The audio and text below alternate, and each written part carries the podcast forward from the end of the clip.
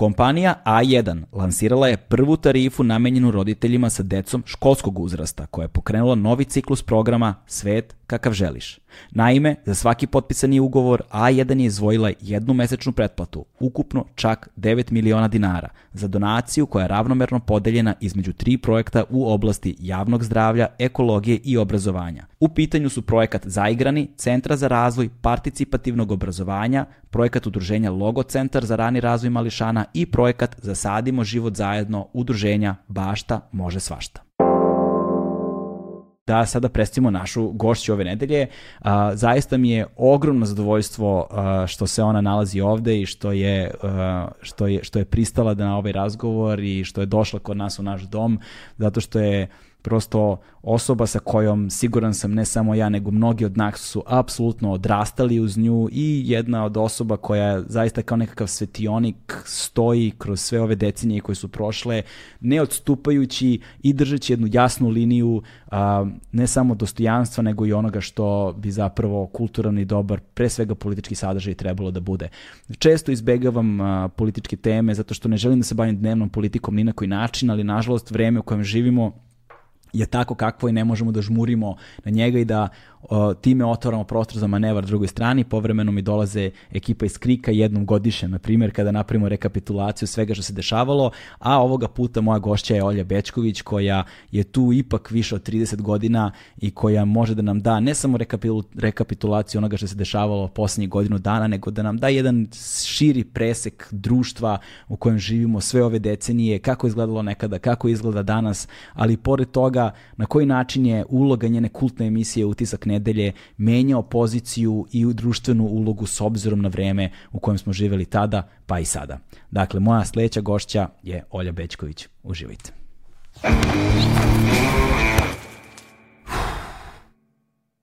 Hmm.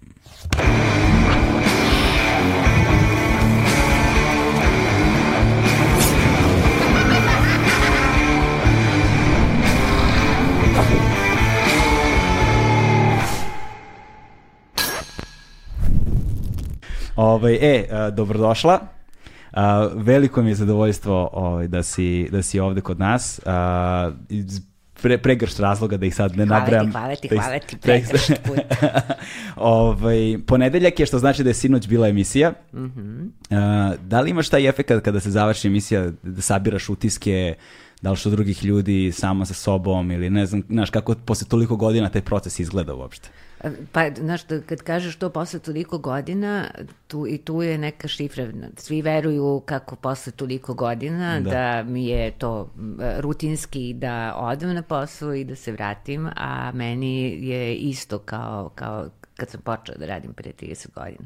I taj povratak, ta, mm. taj, ove, ta, ta noć zvana, da. to nedelja na ponedeljak, znači treba mi jedno 5-6 sati da, da sletim. Da. Da sletim, ali imaš i taj, ono, isto bukvalno imaš sad taj osjećaj kad, kad uđeš u auto od ozgo, onda, onda nekako samo po, što ništa ne zavisi od toga što, neče konkretno kao šta je bilo u emisiji, da. ali ti nešto znaš kako dišeš. Da, da. I onda znaš da je bilo dobro ili da nije bilo dobro ili da si prazan i umoran ili da si nešto skroz staložen kao ovo je bilo okej. Okay. No, noće sam nešto baš bilo staložena. Kao, da, ja vrlo često, to si u pravu, Uh, kada nešto radiš kontinuirano duži niz godina i istu stvar, meni se dešava povremeno da izgubim kompas da li je sad ovo bilo dobro ili nije bilo dobro ili previše analiziram pa zbog previše mhm. analize kako kaže neka narodnjačka mislim previše analize vodi do palari, palari, paralize ali, ali, ali uvek ta emocija ne laže ono, mm -hmm. da, li mhm. sam, da li sam blago anksiozan zbog nečega što je rečeno mm -hmm. i urađeno, da li sam pod nekim snažnim emotivnim nabojem, ono, pa ne mogu da se spustim uopšte.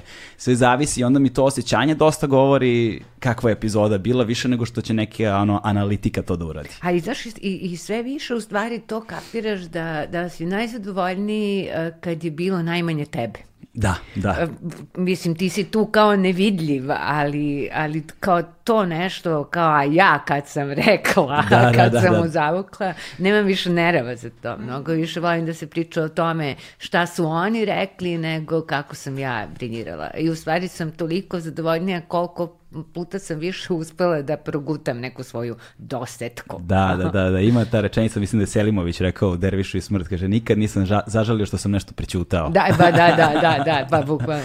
ovaj, ali ta umetnost vođenja tih razgovora, ovaj, sad tu ima baš mnogo stvari koje me zanimaju, ovaj, posebno što razgovaram sa nekime ko vodi možda najkultniju političku emisiju na ovim prostorima već decenijama unazad, ovaj, postoji uh, ti na izgled jednostavni formati uopšte nisu tako jednostavni. Ta jednostavnost se zapravo najteže postiže. Da to izgleda tako lagano i da to teče i da se svi ti ljudi tu i da se to desi, ovaj, zapravo zahteva ogroman, ogroman trud i ogromnu praksu koju ti naravno imaš. Uvek sam se pitao za početak kako izgledaju pauze za vreme reklama. Znaš, posebno kad se užari razgovor i onda kao mhm. seča idemo na reklame koji su sad ono, ne znam, 10 minuta, 15, ničega šta se dešava u studiju. Mhm. Pa znaš šta, različito, ali uglavnom je poenta da je to krajnje normalno. I to me posebno, posebno mi je to bilo negde e, neprijatno zbog ljudi e, tada, to 90. i kad su bili ti ozbiljni dueli i kad su tu dolazili to ljudi koji su se dok traje program šibali sve snage i onda su reklame i onda tu nastaje jedan opšte ja, veselje i šala i to me užasno nerviralo uh, zato što, uh, znaš, kao tad smo bili podeljeno društvo, isto smo bili koji sada, da. ali si ti uh, shvatao da to nije fair zato što ovi navijači, gledalci, uh, oni stvarno misle da je to ozbiljan sukob, mm. oni se tu uh, kao angažuju i zauzimaju strane i onda to oni prenose na ulicu, tako da oni sa svojim komšijama iz ono druge stranke, oni se s njima biju misleći da to tako treba, jer su to videli od ovih na televiziji. Da. I nekako mi uvijek bilo uh, važno da oni znaju da je ovo samo show i da se ovi posle toga stvarno idu zajedno na piće. Da. I da bukvalno stvarno to bi stvarno ide zajedno na piće. U I stvarno su upozorno to kao posao je posao. U kojem procentu slučajeva oni stvarno odu zajedno na piće? Pa, mislim, Govorim pro, procentu pa, od pro... užarenih razgovora. Šta? U, u, od procenta svih užarenih razgovora, koji deo njih odlazi na piće stvarno? Pa, bukvalno 70. 70% da. sigurno je. A da, ma da, potpuno kao to. Koliko su oni zapravo navikli? Pa i svi njima... se oni znaju ceo život to i oni su svi, ono, su, kao svi, svi su oni bukvalno na, ja sam na zadatku, moj posao je kao da smo mi sad suprostavljene strane, a zapravo svi znaju o čemu se radi.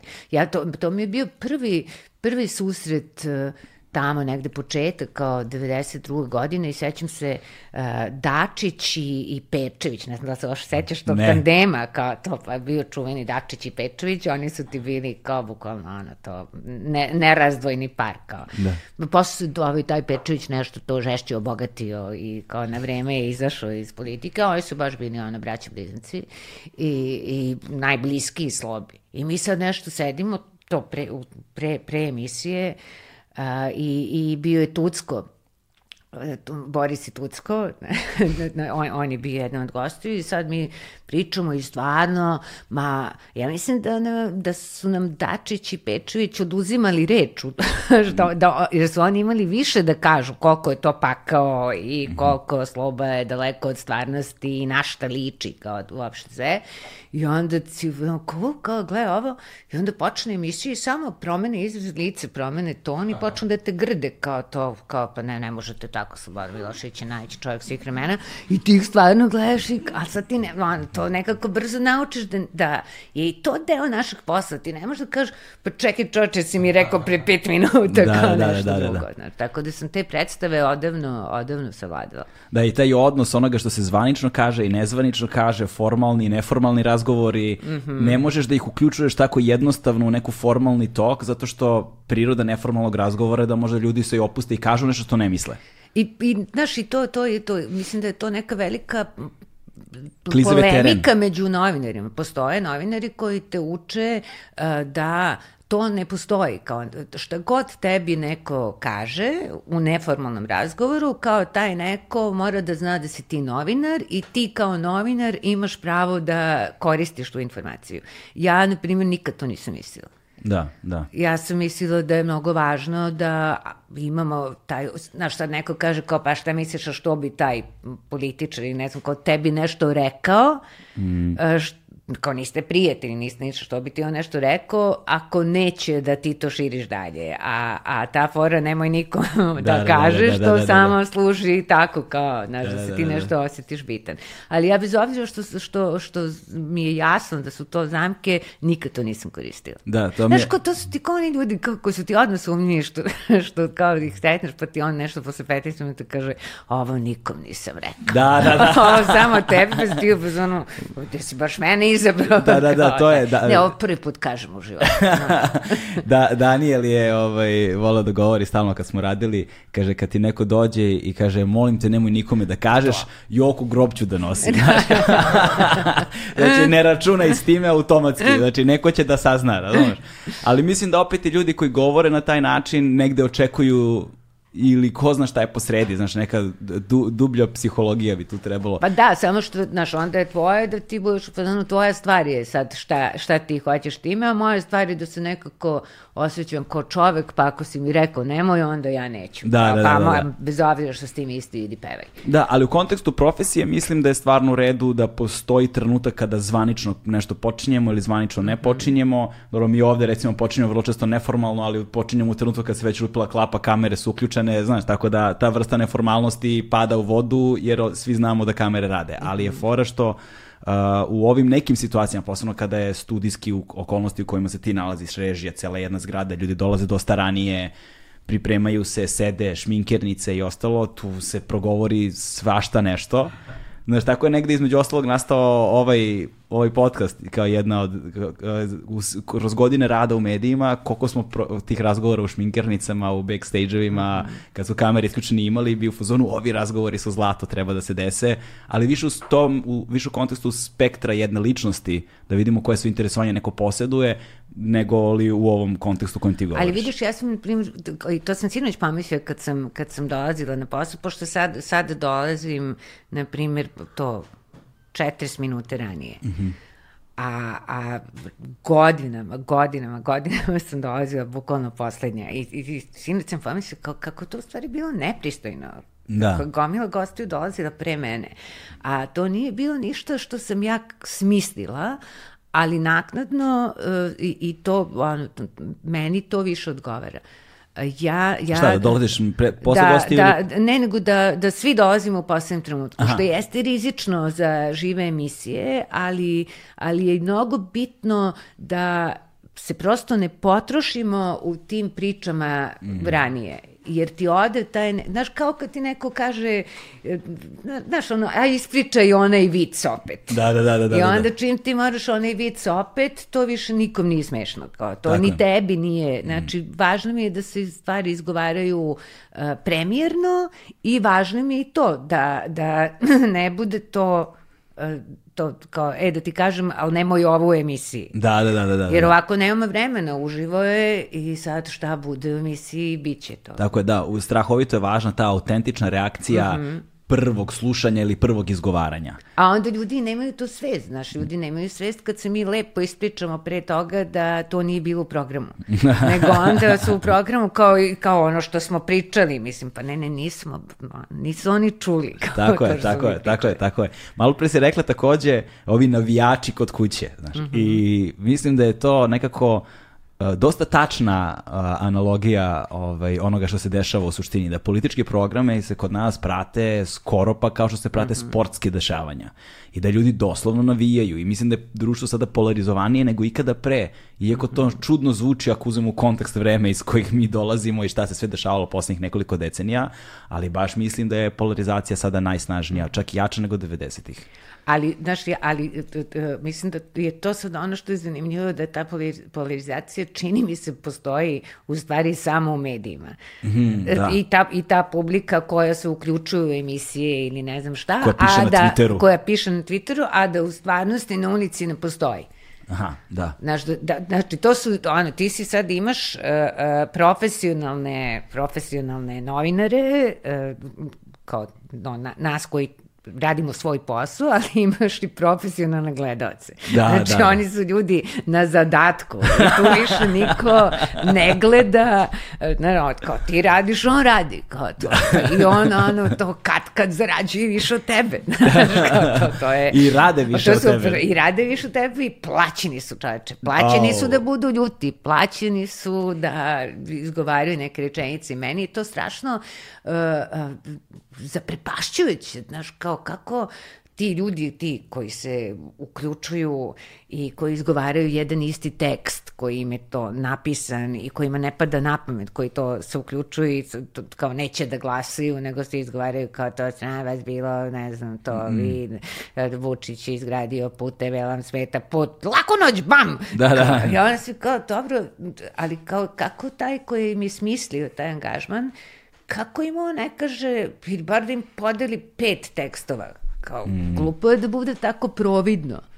Glupo da. je da bude tako providno, glupo je da kako ti pristaješ da se tako ponižaš ko da si kreten, ko da ne umeš sam nešto da kažeš i ko da ne umeš da kažeš evo glasam za to i to, a vi ste inače ovo. Ne, kao najbezbedniji ja ću ti napišem ove četiri glupe rečenice i onda ćete vi svi to da ponavljate i onda imaš to je potpuno genijalno. Znaš, ti, on, onog trenutka kad se taj neki uh, uključi i kad izgovori tu neku senzativnu rečenicu kao vi mrzite Vučića i da. vi ste bednica, laku noć, onda odmah posle 15 minuta imaš recimo na portalu Alo. Da. A, žena sručila o, da, da. Olji Bećković, ona zanemela. To. I onda ima kao taj klip i samo ti nije jasno, a kako ste tako organizovani čovječ? Da. da. Kojom brzinom već, tako da ti je jasno da se sve dešava u nekom alovu, kao, mm. ono, Da, pod jednim krovom. Pod jednim krovom, ono, svi smo tu, to uključujemo se, fino, da. puštamo vesti i kao, baš Mislim, je veselo. Sad, sad, sad moramo da pronađemo i nove reči za to što se dešava, zašto to čak nisu vesti. Oni ih nazivaju mm. vestima i, i, i on bi trebalo na, iz njihovog ugleda da igraju nekakvu ulogu vesti, ali to zapravo nisu vesti. Verujem da sam pomislila, znaš, to kad gledaš te vesti, da, da. tih nekih ono, strašnih televizija i te neke našminkane žene koje izražajno čitaju te gluposti. Da. A, ja sam stvarno počela da se, da, da osjećam, ali kao da sam im tetka.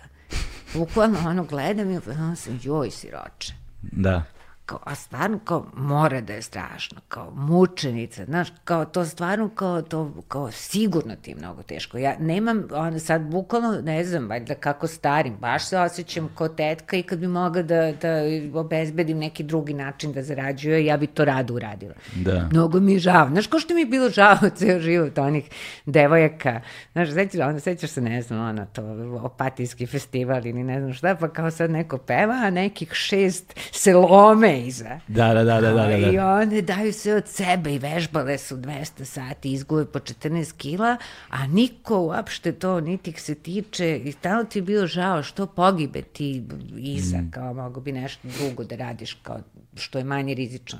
Mnogo mi je to jadno, mnogo mi je jadno. Zamisli čitaš to izražajno otvoreno pismo Željka Mitrovića. Znaš, pa čoveče, pa to je baš ono Znaš, to je kada, kazna. Da, kao. Da, kada, kada čovjek uzme, na primjer, da smo neki pisci ili nešto slično, pa da sad kao pretpostaviš lika koji se nalazi u tim okolnostima. Sad ti tog lika treba da dovedeš do te tačke da sedi za nekim deskom pred kamerama sa onim teleprompterom, da ne kažem idiotom, znaš, pred idiotom, i da čitaš izražajno otvoreno pismo Željka Mitrovića. Znaš, kako ti lika neko, nekakvim nizom verovat, verovatnoće dovedeš do te pozicije. Pa, da što, ja bi zam, ono, ja nemam drugčije da zamislim nego to kao, znaš, to, pošto nisi bila dobra, sad ćeš za kaznu ovo. Znači, to, ja ne, to kad bismo sad pisali scenario, ja stvarno kapiram mora da si nešto mnogo ono, opasno zabrljio, kad sad moraš to da radiš. Ja znači, pokušam da bukvalno zamislim- ti neko kaže, a sad za kaznu, ono, da si vodila računa Da, a šta pazi, to radiš bi- i kako se A, ponašaš. da, ali to je vrlo optimistična predstava društva, čini mi se. Čak i po znacima navoda neprijateljskim redovima. Znaš, zato što um, bi to onda pretpostavljalo jednu strukturu, jednu, jednu, jednu organizovanu inteligenciju i pojedinačnu inteligenciju među njima koji znaju fundamentalno da je nešto što rade loše i da je ovo možda ultimativna kazna ukoliko nisi unutar redova radila ili radio nešto kako treba i onda ovo ide kao kazna. A u jednoj pesimističnoj verziji društva, znaš, ovaj, a, su to ljudi koji to jedva čekaju da rade. Žele da rade. Možda je to nagrada. Znaš, kao možda se nalaze u jednom psihološkom ustrojstvu takvom. Vidiš kako si ti širok. Ne, ne, ne, ne, ne nužno. Razumeš šta pokušam da Razumem, kažem? ali Da. ono, znaš, kao, da baš mi je to teško da, teško mi je da zamislim.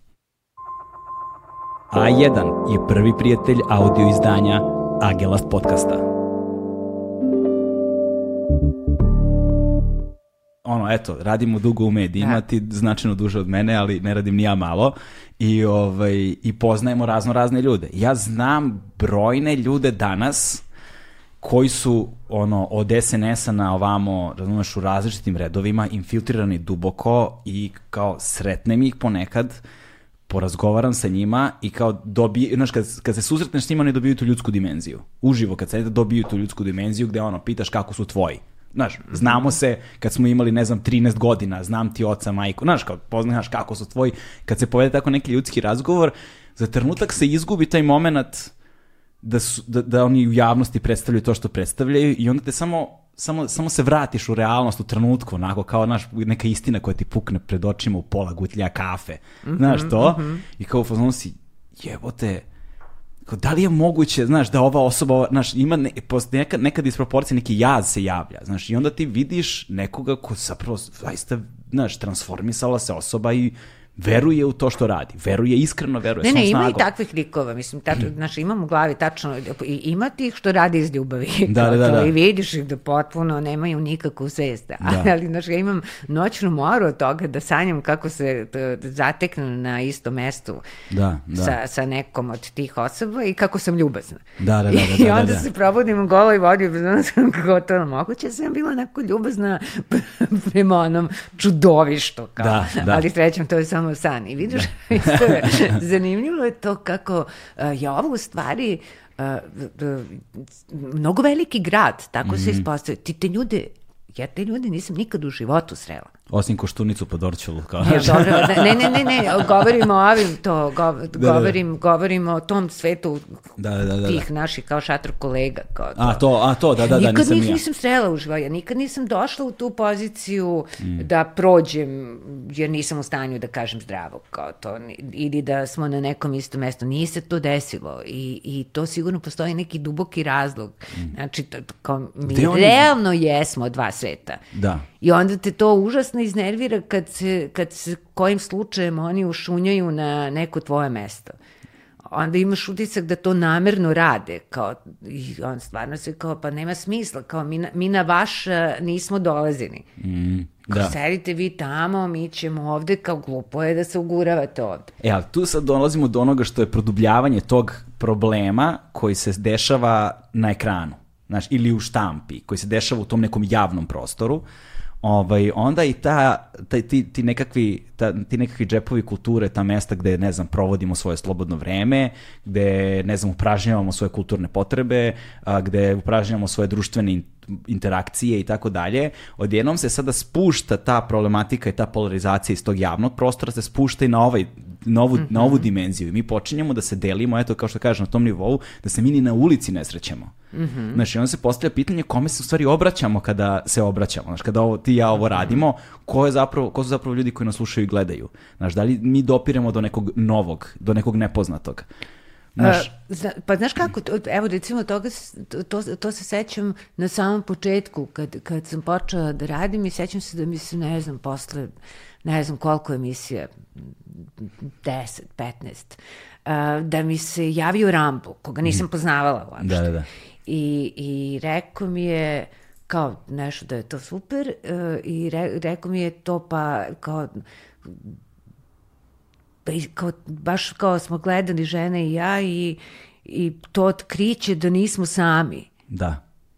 I ja mislim da je u tome bi trebao da bude poenta, znaš, ne, da, da bukvalno e, taj neki svet, to što se priča kao, pa da, kao ti se obraćaš ljudima koji već sve to znaju, kao, ko, koga ćeš ti da dobiješ novog, e, ja mislim da u, to je, u tome jeste stvar, jer taj svet se osjeća jednako usamljeno kao i mi. Znači, mislim, to je bukvalno ono klub usamljenih da. srdaca. Kao. Da, da, da, da, da, Ali onda, znaš, kad, se, kad, kad bi ti sad stvarno pretvorio uh, u, u to u stvarnost mm. tih nekih 600.000 ljudi ili milion ljudi ili milion i po, nije mala stvar. Da, posebno, posebno tvoja emisija. Tvoja emisija, zapravo utisak nedelje, ima to iskustvo, znaš, kao, kao zbornog mesta, nekog mm -hmm. virtuelnog zbornog mesta. Uh, utisak nedelje, i to, to znam iz ličnog iskustva, nije isto gledati utisak nedelje kad idu uživo i reprizu. Nije isto, prosto nije isto. Zato što kad ga gledaš uživo, uh, ide to pretpostavljeno osjećanje kolektiviteta. Znaš, znaš da sad mm -hmm. ne znam koliko ljudi to isto gleda i komentariše. Ono, društvene mreže su u tom kontekstu mač sa dve oštrice, jer kao istovremeno na Twitteru sad možemo da se ujedinimo pod, ne znam, hashtagom, utisak ili kako god, i kao da vidimo sad kako drugi ljudi razmišljaju na koji način, ali istovremeno je to sad i neki ono nekakva eho komora u kojoj samo čujemo ono i, i slično mišljenje o, ok, pod utiskom, pod hashtagom ćemo videti različite ljude, ali nekako se ta jasna polarizacija samo nas produbljuje u tom Ali, ali znaš, recimo to sad u ovom poslednjem, sad kad sam se vratila protekle dve godine, I onda, onda sam nekoliko puta, mislim prvo naravno da znamo da je to jako teško da, da ti ljudi imaju zabranu vlast, ministri, oni imaju zabranu i ne smeju tu da dolaze jako je teško da ih pozoveš. Ali da. kad mi je nekoliko puta uspelo da neko sa te strane dođe, to je zapravo izazvalo užasan revolt. Da. Uh, zato što su ljudi kao, ali ono, gledamo ih devet godina svaki dan. Da, I svuda. ja sam se uželeo to nekog, ono, normalnog razgovora, kao uželeo sam se da čujem i meni, meni se čini da to, e, znaš, da je to jedna vrsta isto podmetačine. U stvari ta priča kao ha, ha, vi isto mišljenici, mm -hmm. to je besmisleno, to u stvari guraju ovi što su ti napravili taj koncept da ti budeš isto mišljenik. Da, kao da. ja neću da, te, da dolazim, e, mi ćemo to da kažemo da to je fuj, naterat ćemo vas da pričate između sebe, a onda ćemo da ubacimo pa nije to više to mm. kao majke ti. Da. Znaš, i kao stvarno, i kad bi to gledao na, na realnom životu, Pa da, da ti želiš da ideš na mesta gde, gde se skupljaju ljudi koji to slušaju istu mhm. muziku, koji se, koji se im, im čitaju slične knjige kao to, to i to, to, to tebe ništa ne osiromašuje, naprotiv, to tebe obogaćuje. Da, da. To ideš da pričaš sa, sa, sa nekim koji je to prosto tvoj čovek. Da, u društvu kao... ovoliko osiromašenom naći nekoga ko sluša sličnu muziku kao ti ovaj, je ono veoma važna stvar. Pa, Znaš, veoma važna stvar. Recimo, pa evo sad gledam, znaš, kao to, kao, pogledajte, ja imam do dve, tri iste knjige, kao da. ti, na, na, na isto mestu i na vrhu police, kao to nije, nije to nebitno. Ali ima tu još nešto, znaš, uh, to, to, meni se to, sve češće uh, me zaustavljaju po ulici klinci. Mm zvani to, da. ne znam, 25, 23, 27. I to je potpuno nešto, nešto fenomenalno. Da. Znaš, to, i oni, te, oni ti sad prilaze i kao... Čekaj, ti imaš emisiju duže nego što oni imaju godina. I, a, I onda ti oni svi govore, e, bukvalno imaju, imaju ono, imaju refrene iste i svi ti govore kao ja, kao moram da vam kažem, kao nisam mogu da vas vidim očima, e, jer se to znalo kad sam bio mali, kad je nedelja u deve da nas mama i tata šutiraju u krevete i da je kraj dana, kao da, i da, da, da ne možemo da se igramo i tralala. I onda sad mi to gledamo i sad ti neki malo stariji sad oni oni šutiraju svoju decu. Mm, I da, kao da, da, da, to, da, da, da. evo ga utisak nedelje. Ali, znaš, to bi mogo da bude odgovor na to uh, novi. Mm. Znači, zamisli koji je to uspeh. Da. da. Da, znači, ti si imao neku svoju publiku i ta publika je uh, vaspitala svoju decu i ta deca su sad ostala uz tebe. Mm. Znači da, da te vatre. elementarne, elementarne ideje ostaju iste. Znači nema tu, sad to je, znaš, kao prevaziđeno. Šta je prevaziđeno? Je prevaziđeno poštenje? Je prevaziđena istina? Je prevaziđeno to da, da prosto nisi kukavica? Ja mislim da to ništa nije prevaziđeno. I onda to, to i vidiš sad. Znači, ta, ta deca imaju razlog da to gledaju. Da. U... I isto to osjećaju, tako su vaspitani, osjećaju to kao svoju priču. Da. Kao svoj ugao posmatranja da u ovom društvu koje je tako duboko tone, a nekako se ispostavlja da je dno vrlo rastegljiv pojam. I svaki put kad mhm. pomislimo da smo ga dodirnuli, opa, eto ga novi nivo. Znaš, i, ovaj, I onda su ti klinci novi zapravo zaista čuvari vatre na neki način.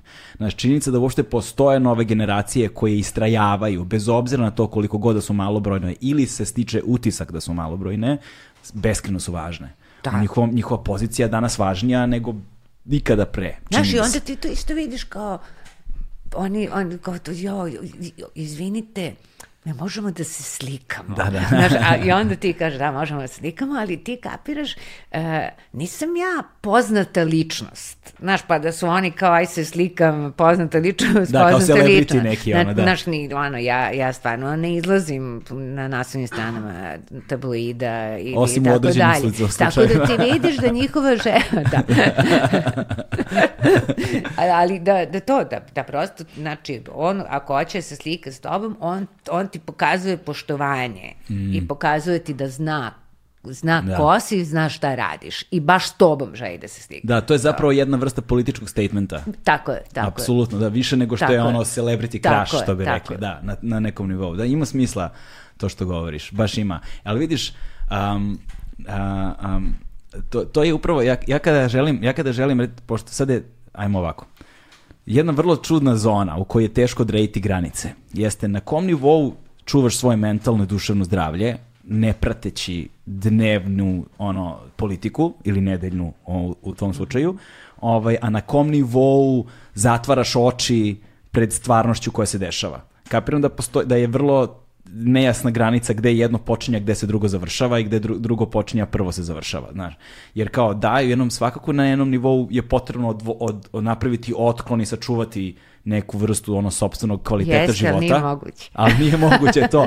A na nekom nivou moraš da budeš uključen ili uključena ili da budemo uključeni da, da, da, da, da, da ne bismo prosto za žmurenjem i okretanjem glava na drugu stranu ostavi, ostavili njima ogrom prostor za manevar. Jeste, je, ali znaš, ja kad sam, kad sam, kad sam počela da radim, ceo, ceo moj početak je bio takav zato što uh, sam bukvalno provalila da ništa drugo ne radim osim što gledam skupštinu od jutra do mraka da. i, i batam beleške i dobacujem to ko ludak i kao, kako možeš to da kažeš, nije tačno.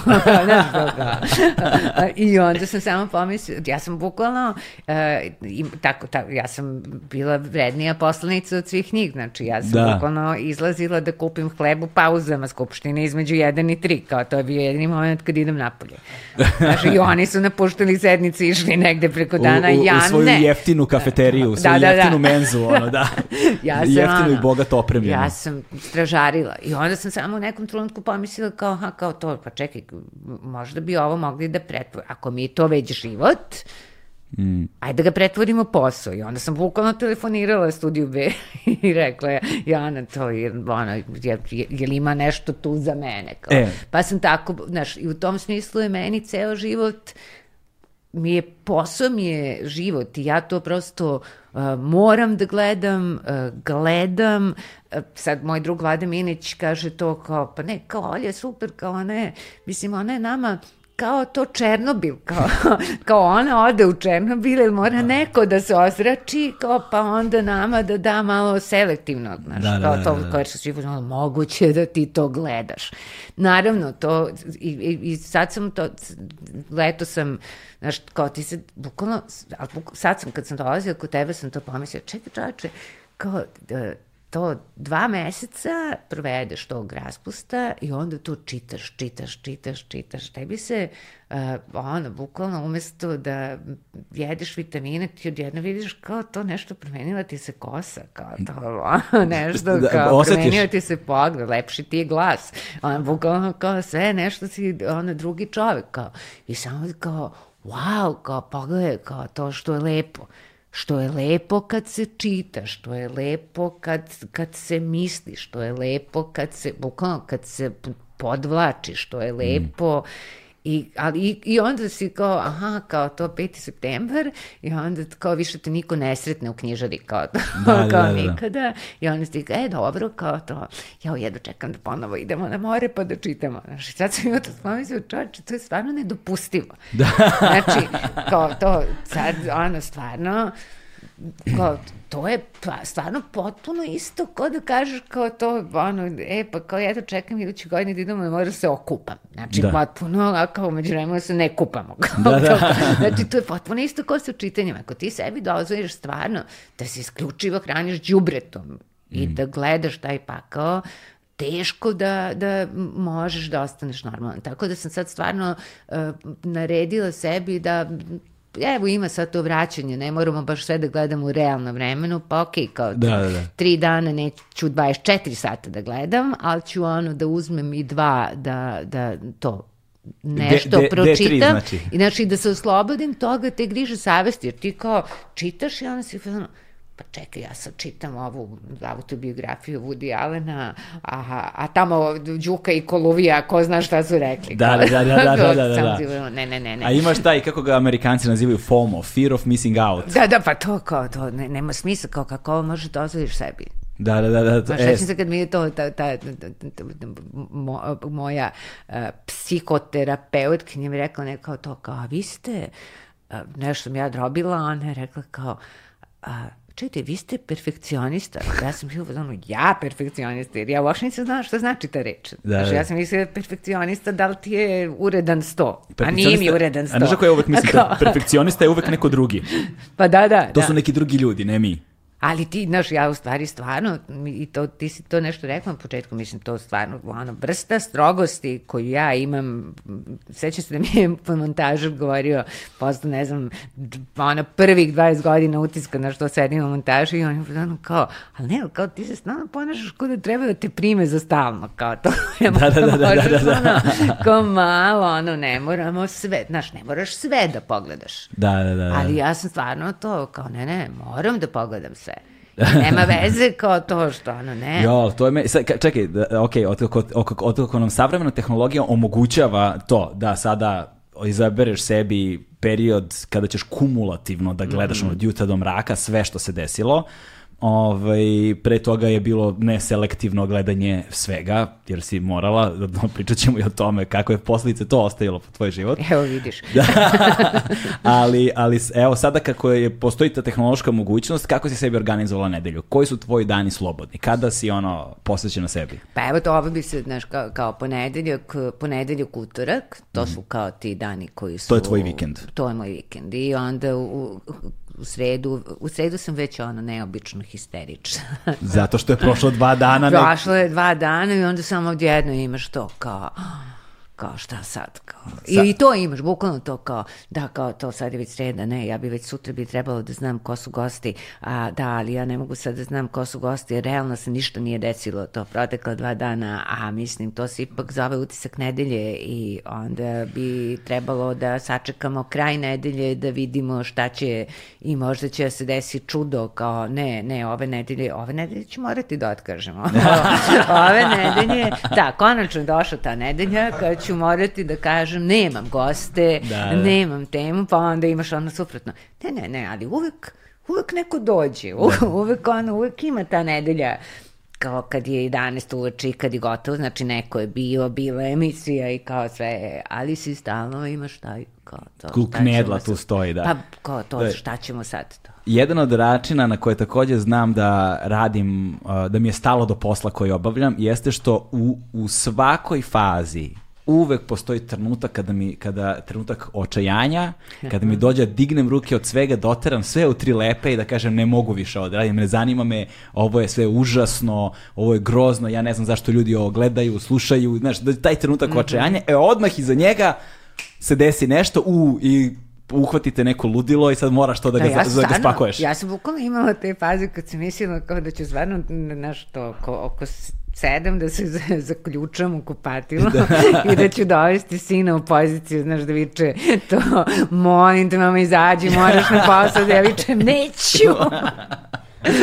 Neću. Znaš, to je, to je, to je važno da, znaš, kao da, da, da u tom kontekstu ti dobiješ ljudsku dimenziju, zato što posmatramo te u toj ulozi tako dugo, da te nekako samo praktično i znamo isključivo kroz tu ulogu. Zna. Ovaj, I sada je, i to je ono što, što mi je negde važno da, da, da pomenemo ovde, jer ja kad hoću da dovedem nekoga da mi ono, obično jednom godišnje, recimo dovedem ekipu iz Krika, i kažem, ajmo sada, spakujte mi u tri sata epizode retrospektivu, ove, šta smo sve živali posljednjih godinu dana jer nekako habituiramo, navikavamo se te, na stvari I, i one se tako sukcesivno nižu jedna za drugom iz dana u dan, iz nedelje u mhm. nedelju i mi za tri meseca zaboravljamo šta je bilo pre tri -hmm. meseca, potpuno ono, a bila je ogromna stvar. I onda kad neko dođe i sedne pred, ispred tebe i onda ispakuje poslednjih godinu dana, zipuje ti ih onako u dva, mm -hmm. tri sata epizode, dođe ti da, mu, da plačeš od muke. Znači, do, ja prekidam isto što mi dođe ja plačem i onda da ja ne bih plakao, moramo završimo epizodu, tako se dešava. Ovo, ovaj, ali to je sa, ajde da donekle kažemo akutnim stvarima dovedem njih. Sad imamo tebe ovde, gde, gde od tebe mogu da dobijem jednu ono zipovanu verziju poslednjih 30 godina našeg života u ovoj zemlji. Znaš, ne samo prethodne godine, mm. nego jednu, jednu sliku, jedno stanje društva i politike u tom društvu.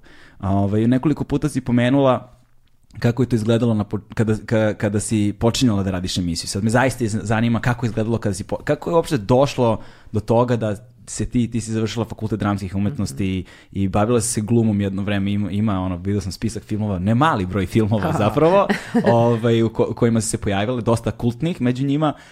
U kom trenutku se dešava taj preokret kao i, i ti postaješ ono Olja Bečković, utisak nedelje, studiju B, ko, kada je išlo... Evo, bukvalno to, kad, ovo što sam ti znači to je bilo 91. su bile martovske demonstracije. Da, 9. mart, da. Da, ja, i to je zapravo bio moj prvi prvi susret sa tim da me to zanima. Znaš, mm. i taj izlazak na ulicu, to nešto odjednom, stvarno vidiš onaj thank you, ono si to sad se zna gde ti mesto, uopšte da, da, da, nema da, da. nikakve dileme. Tank u gradu na ulici. I od tog da. momenta počneš da, da te shvataš da ti živiš negde gde, gde nema smisla da se tako živi.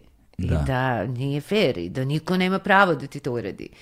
I da, to, a da će svako to da ti uradi ako se ti ne boriš. Mm -hmm. Ja, evo nas tu, borimo se i tad mi se učinilo da je stvarno ta borba užasno važna da, i, i da te to čini čovekom.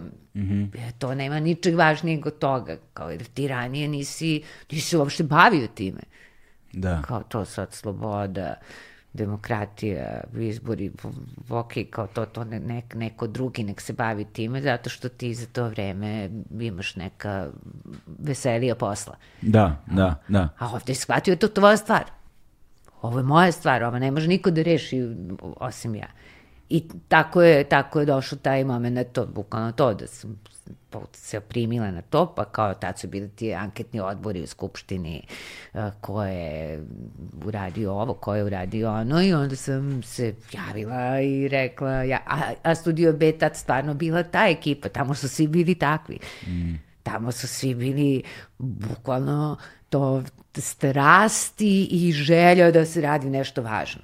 Znaš, da. i sad isto to kad, kad vidiš uh, to, to kao kad se, kad se sad nešto, znaš, to, šta je pre bio sudio bet, kao, što tu sećaš se, one neverovatne scenografije, nek, ne, ne, nekakav studio, neka crna zavesa se, i da. neki da. pakao to prašnjava i neka cigla, a to uopšte nije bilo bitno.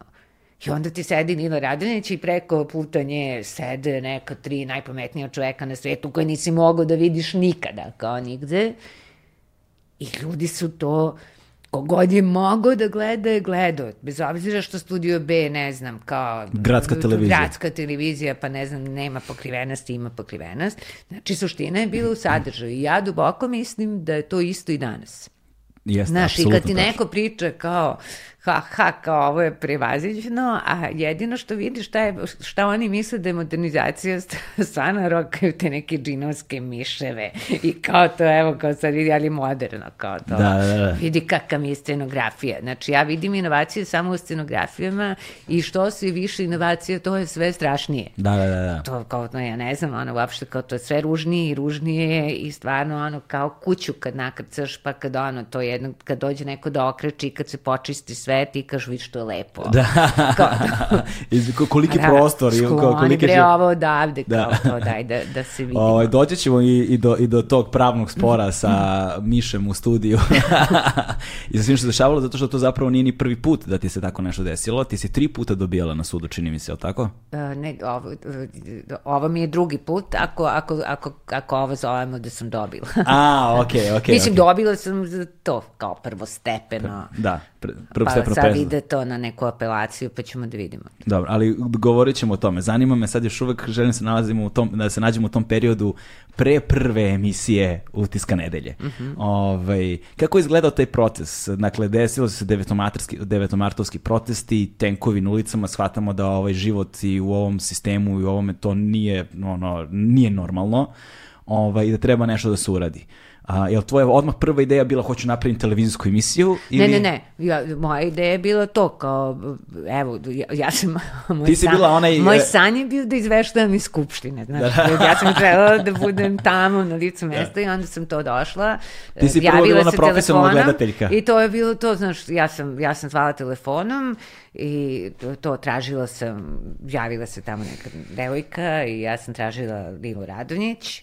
A bila je neka emisija na Studiju B gde su sedeli Lina Radonjić, Zoran Ostojić i ne znam ko još i oni su pričali to da, da im trebaju mladi ljudi. Ne znam. I onda sam ja okrenula i kao dobro, ja mogu dobijem Lilu Radonjić. Uh, Olja Bečković kao, i ta, ta devojka sekretarica je rekla uh, ona je Uh, ona je izašla pre minut, uh, ali čekajte, čekajte da, da vidim. Kao možda je tu još kod lifta. I ja sam ostala na telefonu i bukvalno sam bila u fazonu, ne, ono, kao, čekaj sad, kao ova juri tu neku ženu koju nemam pojma koja da je vraća od lifta, zato što ja u stvari ni ne znam šta hoću. Da, da, da. To je odakle mi ideja, ja sam mislila da spustim slušalicu, znaš, to kao ništa nije bilo, ali mi je bilo glupo pošto sam se predstavila. Da, da, da, da. I onda je to, ona stvarno vratila Lilu sa, sa lifta i Lila je rekla to, to, da, da, i, i rekla, ok, kao to, do, ono, dođite sutra. A ti si njoj Da rekla, ja sam... Ja sam, ono, Tolja Bečković, ja sam vid- gledala sam onu emisiju i, i, i mislila sam, ono, i to... Evo, to, ja sam ta bi koja se javlja. Da, to je, ima nešto. I ona je rekla, ok, kao dođete sutra i to je bio mnogo smešan razgovor. Znaš, ona je pitala, znači, ono, sve kontra od onoga što treba. Da, da. Što to, aha, kao, a, do- vi ste se nekad bavili novinarstvom? Ne, jeste, jeste nekad, ono, ne znam, a, do- znači sve što te pita, odgovor je ne. I onda I koliko ona rekla, iskustva? Nula. U, super, kao da, izvolite, kao dođite, ja sam, ja, ono, ja bi volala skupštinu i onda ona rekao, ne, to već imamo, kao ima, ono, ima i ko radi skupštinu, ima ko radi ovo, ali evo kao sad, ono, evo, sedi ti tu, dolazi i ona mi je izmislila neku rubriku kao da, da to, da prosto da vidimo kako funkcionišu stvari i da ja e, ka- to, pošto već sve pratim i čitam, da imam nedeljom u okviru vesti e, to pet minuta koji bi se zvali tragom izjave. Znači da ja nešto nađem što god hoću, nešto što je neko rekao, neko što, i što mi se čini da bi sa tim čovekom moglo da se produbi šta si u stvari hteo da kažeš. Mhm, okej. I, on, e, tako je, i onda sam ja to radila, na primjer, jedno mesec dana, to dva, umeđu vremenu je već to, kako sam sedela tu u redakciji, pa ha, aha, ima konferencija o štampu demokratske stranke, a taj čiji je to sektor nije u tom trenutku tu, pa odem ja I onda je, je meni Nila vrlo brzo, znači to je bio mart kad sam ja došla, i ona je meni rekla u septembru da postoji, postoji raspoloženje u, u redakciji da imam autorsku emisiju i da je dala mi je, to bio na primjer petak, ona mi je dala rok do ponedeljka da, Da. da. smislim šta bi to bilo.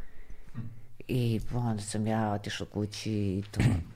Rekla mužu vidi ovaj kao možemo da imamo emisiju i kao šta bi to moglo da bude i onda smo bukvalno tako, stvarno, ono, niti oni imaju kakve veze sa medijima, niti smo se bavili u tom, ono, uopšte kao, aha, kao šta bi moglo, pa sve tom logikom, kao što sam htela da idem u studiju B zato što to inače radim, ajde sad stvarno ovo što inače gledamo i što se iščuđavamo i što ne možemo, verujemo da je moguće da ljudi tako govore, da toliko lažu, da, da toliko manipulišu, ajmo to stvarno da da to isto uradimo, pa da podelimo to s ljudima, kao to, daš kao to što u životu govoriš si video ono sinoć, e da, da. pa eto, kao sad ću ja da dođem i ja ti kažem mi si video ono sinoć i to će da budu ti predlozi i nek se jave i, i kako će se zove, kako će se zove, čekaj, mogu da se zove, pa kao šta, šta šta ljudi koriste to, pa kao, i ne, ono, aha, pa dobro, kao, ne znam, pa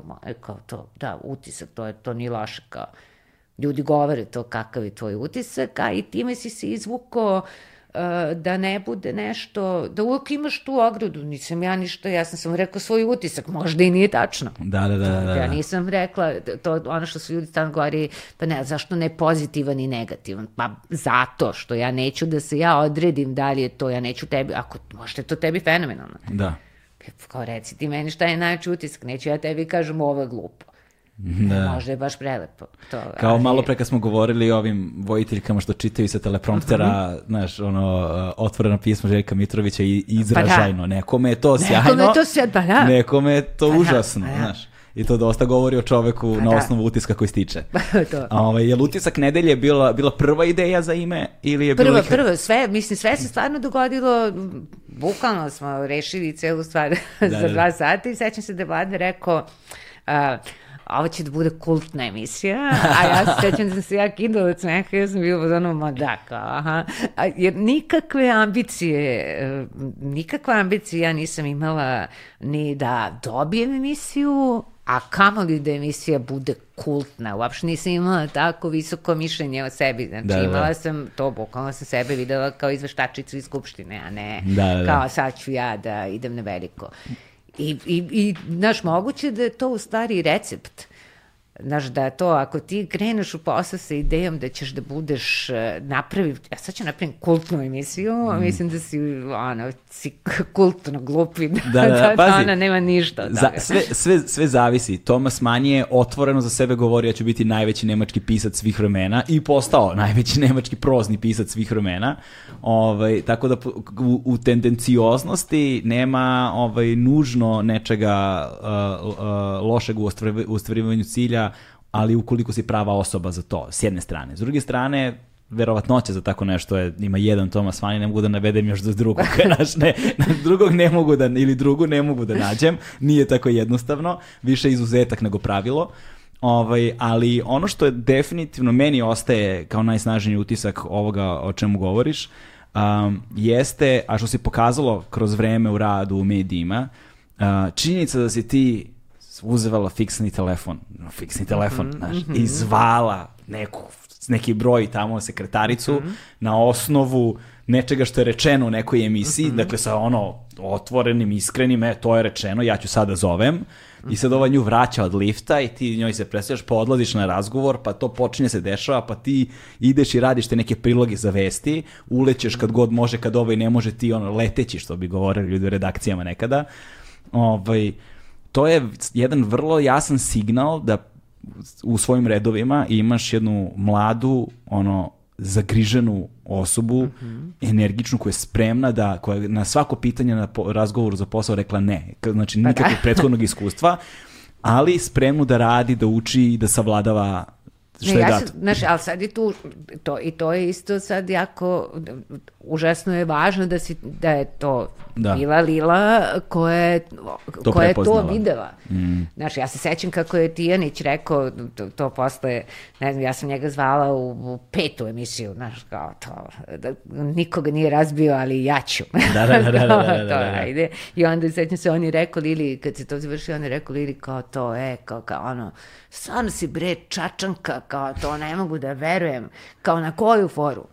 kao da je došla kod mene ne bi uzeo nikad. Da. Jer kao bukvalno ne, ono, ne uklapa se ničim, ni, ni izgledom, ni dikcijom, ni ne. ono, ničim, nikad je ne bi dao to taj prostor. Kao, ono, kao dakle ti nos, kao da provališ da je to to.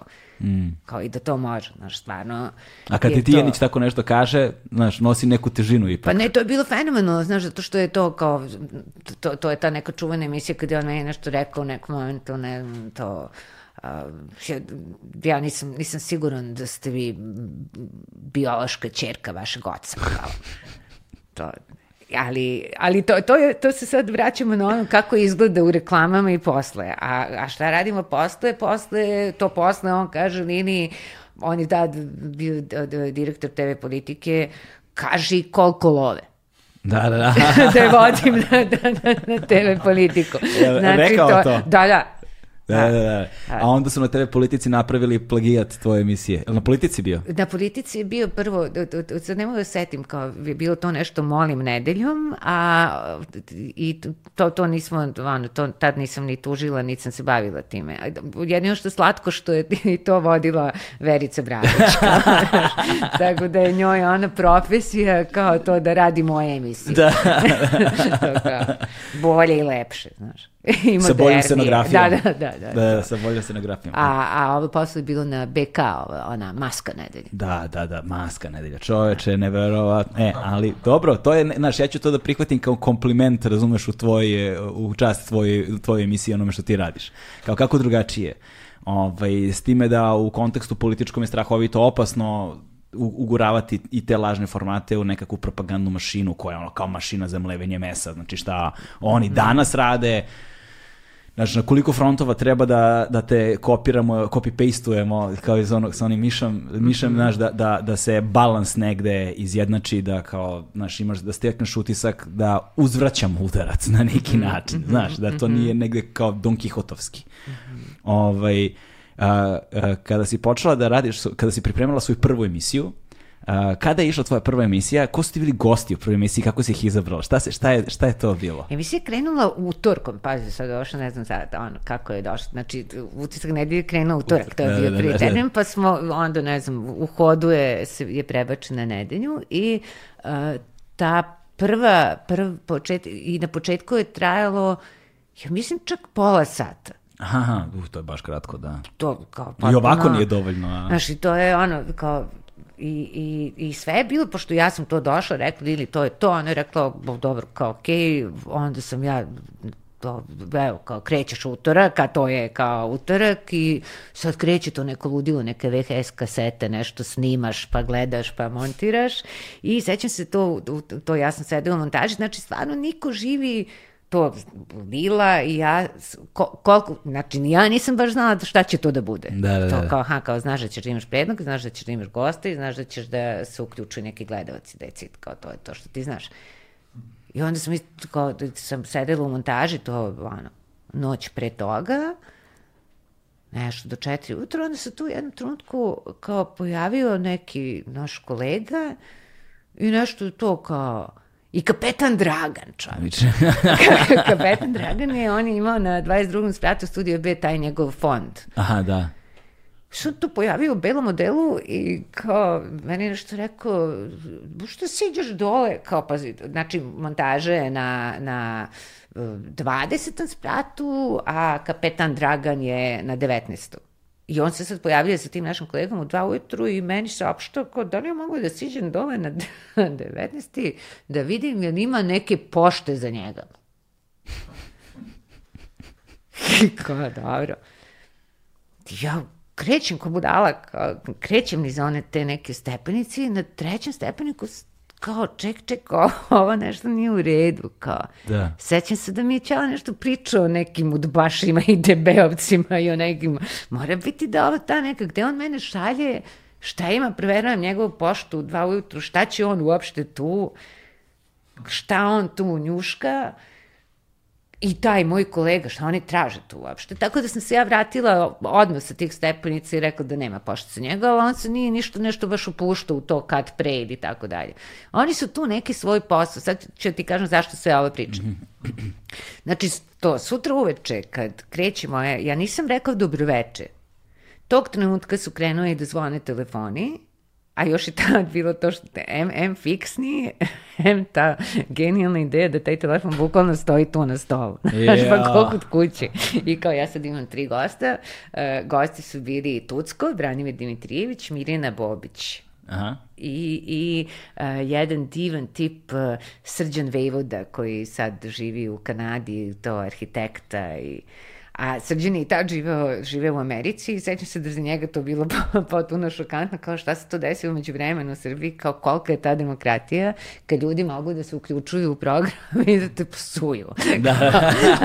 znači, to je bilo uh, od sekunda kad sam ja bukao rekao dobroveče, ovo je utisak nedelje, ovo su moji gosti, predlog broj 1 je ne znam šta, nije ni krenuo prednoge, su krenuli da zvone telefoni i da nam to govore džubrad, izdajnici, sa sve ono najbukvalnijim psovkama, to da. Ološi, Tuđmanova kurvo, Alina, ovo.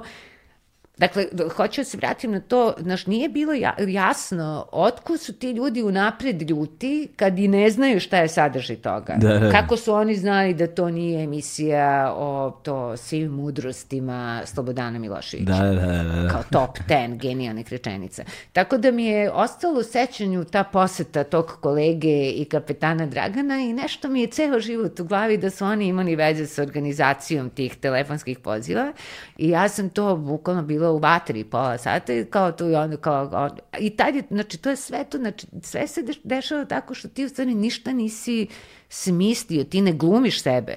Mm. I sad kad ti taj neki, kada ti kaže reče, on kaže kuretino i ti kaže hvala, lako noć.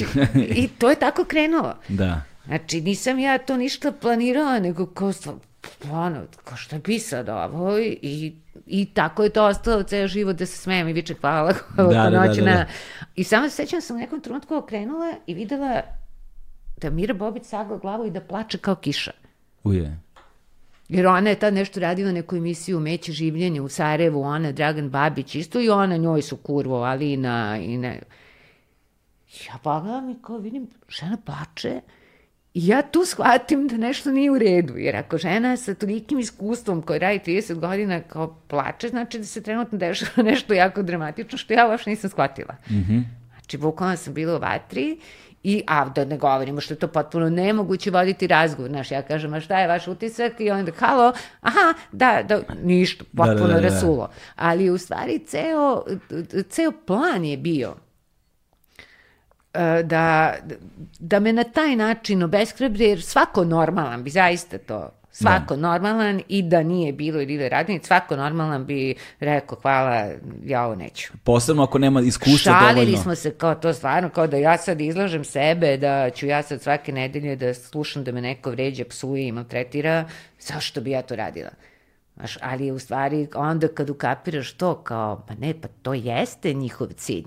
Da. Da tebe nema. Koliko ti je trebalo da shvatiš to? Pa ne zahvaljujući e, starijima i pametnijima kao što je Lila, kao što je to moj Čale, kao mm. što su to, to prijatelji naši koji su prošli kroz taj ceo pako i vrlo dobro znaju metode, mm. e, metode tih ovi, demokratskih vlasti, tako da se on bio dobro, stvarno to nema povačenja. Nema problem, da. Ovo je sada jasan signal da radiš zapravo nešto dobro. Pa da. Znaš, to, što, kada, kada se svi urote protiv tebe, znači da ih nešto strašno žulja. Pa da, pa da. Negde si ih opasno ubola, znaš, i boli ih.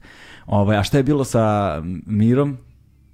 Sa Mirjanom? E, ništa kao, ne, on nju je samo, mislim to kad se, samo je to potreslo, kao to je, Aha, nije nikada imala da... tu, tu, tu, ona, ni ona nije imala iskustva da sedi uživo u nekom studiju i, da, da, da, da, da je neko, vre, pa i nju vređuju, da, da, kao da. šta treba da radiš, kao čovječ, kao jednom neko zlo se da, izliva. Na, na, ja sam počela da plačem, na primjer, to, sat i po kasnije. Aha, jesi? Pa ne, da, kad sam, ali znaš ono, ko kad, ono, ko kad te udari auto, kao pa, ono, ti si ono, nije mi ništa, nije mi ništa, pa dođeš kući kad se ohlade rane, onda počneš da jaučeš. Da, Da, da, da. Znaš, to, tako da mi je trebalo da, Kad da se se adrenalin ohladim. spusti i Pa, to, to, to.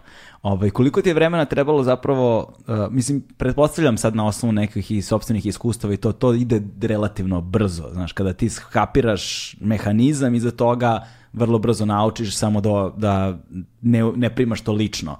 Ali opet postoji jedan period sigurno kada je ono trebalo savladavati ono i emotivno, i intelektualno, i iskustveno sve te stvari. S jedne strane, ja pretpostavljam da to isto kao i to, kao haha. Da. Znaš, da, da, da bukvalno da verovatno je tako čovek skrojen.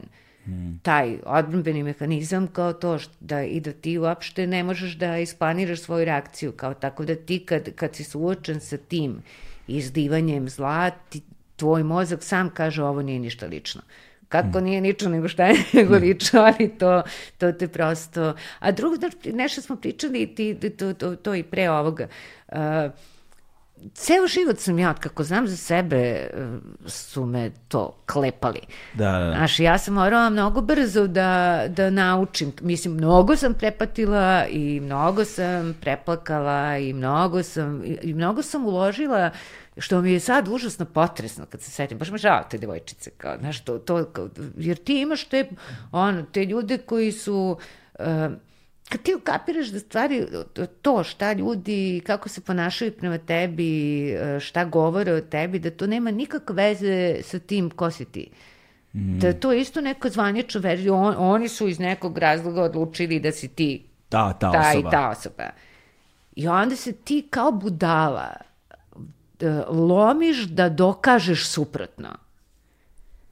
Ti izgubiš nenormalnu energiju kao oko toga da kao ti dokazuješ da ti nisi takav, a u stvari tim ljudima potpuno sve jedno. Ti njima ništa ne, oni su odlučeni kakav si ti. Da. I onda umet, kao to se ti potrošiš pet puta više energije da, da stvarno neku bagru ti uveravaš kao to, ono, majke mi, evo ja sam ista kao ti, ono, Da. to, ne? Dok, dok te neke svoje ljude s kojima bi stvarno mogo, pa to je sad ovo ko što sam pričala na početku, umesto da imaš ljude kojima uopšte ti ne treba, ljudi se dosta lako prepoznaju. Isto, znači, ako ja sam moram nekog da uveravam da nisam uobražena, da ni, ono, toga se sećam, to te je dosadne, da ono, to uobražen, uobražen, ko šta znači uopšte uobraženi i, i, kao, i onda ti češ, ne, ne, nisam ja uobražena, majke mi nisam uobražena, ne, ne, ne. kad polaziš iz defanzive. Onda im se bukvalno nešto uvlačiš, pravdaš i ovo i ono. i samo se jednog dana fazonu, kome bre, zašto, kao, čemu se radi, kad ja imam neki problem sa sobom pa da se dokazuje, mislim, samo zao čovek dokazuje da je dobar, samo lažljivac eh, da, dokazuje da kunujem ti se u decu.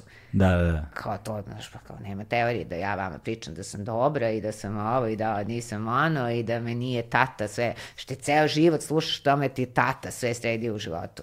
I kao tata, i on se stvarno pozvao, ma majke ti tata mi 30 godina šapuće u uvo to kad vodim emisiju i tata mi piše naslove i tata mi kaže šta da pitam. Da. I stvarno kao to, dosta bre više. Dosta više. Znaš, kao stvarno se u nekom trenutku se, ono, mo, na, naljutiš se, kao stvarno se ono, ko ste bre vi ljudi to? Ko ste vi ljudi koji nešto stalno imaš problem sa mnom, uradi nešto ti, a nemoj da trošiš toliko snagu da objašnjaš da sam ja niko i ništa. U toliko lakše, ako sam ja niko i ništa, ako je to što ja radim potpuno bez veze, pa pogledaj koliki je tvoj prostor da ti onda napraviš nešto. Kao, šta, znaš, kao to stalno, stalno nešto ti moraš da objašnjavaš, kao da kao stalno se neko ponaša da, da si ti nešto oteo, zauzeo nečije mesto. Znaš, mm. okej, kao pa evo to, pet godina nisam radila. Pet godina ste prijatelji imali vremena, to ono kad sam ja držala tu poziciju, ja vam nisam dala da napravite emisiju, ja vam nisam dala da budete gledani, pa evo vam pet godina, što niste napravili ništa? Šta ste na kraju napravili? Napravili ste, ukrali moju emisiju, Da, to, da. to, to ste napravili, nikad se ničega drugog niste setili. Tako. Znaš, tako da, u stvari se negde naljutiš u nekom trenutku i onda kad se naljutiš, to nije loše, ni psihološki. Kad se naljutiš, kad kažemo skini mi se sa vrata. Mm, mm, Znaš, da. nešto seća se to mi, to su mi pričali neki, neki naučnik, ne ono, neki bajak kao to, ozbiljan tip i onda je to nešto ima, da ima neku ženu i živjeli su u nekom braku 35 godina, 40 i on je sebi dao za pravo da nešto gnjavi kao to, da nešto, ono, ne, pepeljara stoji ovde, ne stoji ovde, zašto si ovo, zašto si ono, ja sam naučnik, ti si moja žena, trne mi leđe, kao ajde, ono, i ova ga je trpela, trpela, onda on u nekom trenutku otišao negde na službeni put i kad se vratio je samo, ono, to se vratio kući i na stolu je samo bila cedulja, ono to mršu pičku. Da, da, da, da, da. da. Znači kao kraj.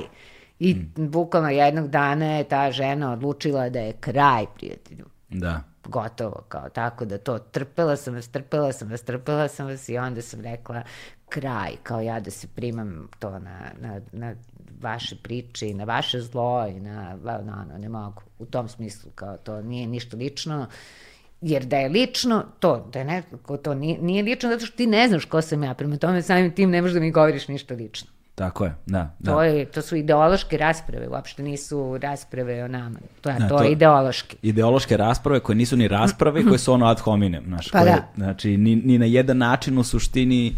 E sad, zanimljivo je e, kako još i tada i danas je postojalo to, s time da mi se čini da danas je manje prostora za kulturu dijaloga. Znaš, nekako, kad govorimo o 90. mi govorimo ono obavezno ide mračne, pre, ono kao atribut pre 90-ih, znaš, znači, bliže određivanje 90-ih ide uz mračne 90-te. Ovaj, I imali smo i tog Slobodana Miloševića, sad moram da, ono, kao fusnota sa strane, to je možda meni recimo bio jedan od najtežih trenutaka u životu kada sam zaista osetio uh, uh, težinu besmisla. Znaš, težinu besmisla trenutak kada je Slobodan Milošević umro. Znaš, nekako š, kao šta sad, puj pike ne važi. Znaš, kao, gotovo, pf, ništa.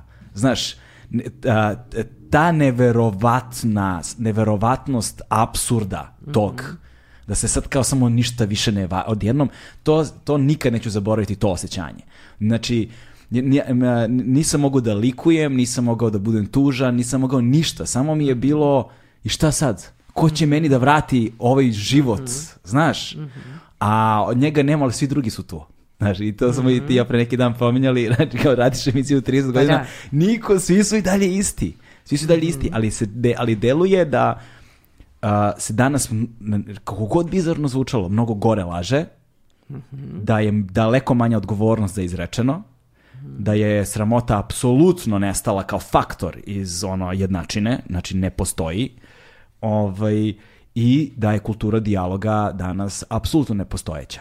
Dakle, u to vreme, čak i tada, u toj mračnim 90-im, postojao je prostor unutar kojeg u, u tvojoj emisiji je moglo se desiti pa se nađu suprotstavljene strane. To, znači, mene to stvarno toliko užasava kao to ti koji sad to tako govore kao, kao da ne, ne, ne može da se poredi to kao sa vremenom Miloševića, pa ne može.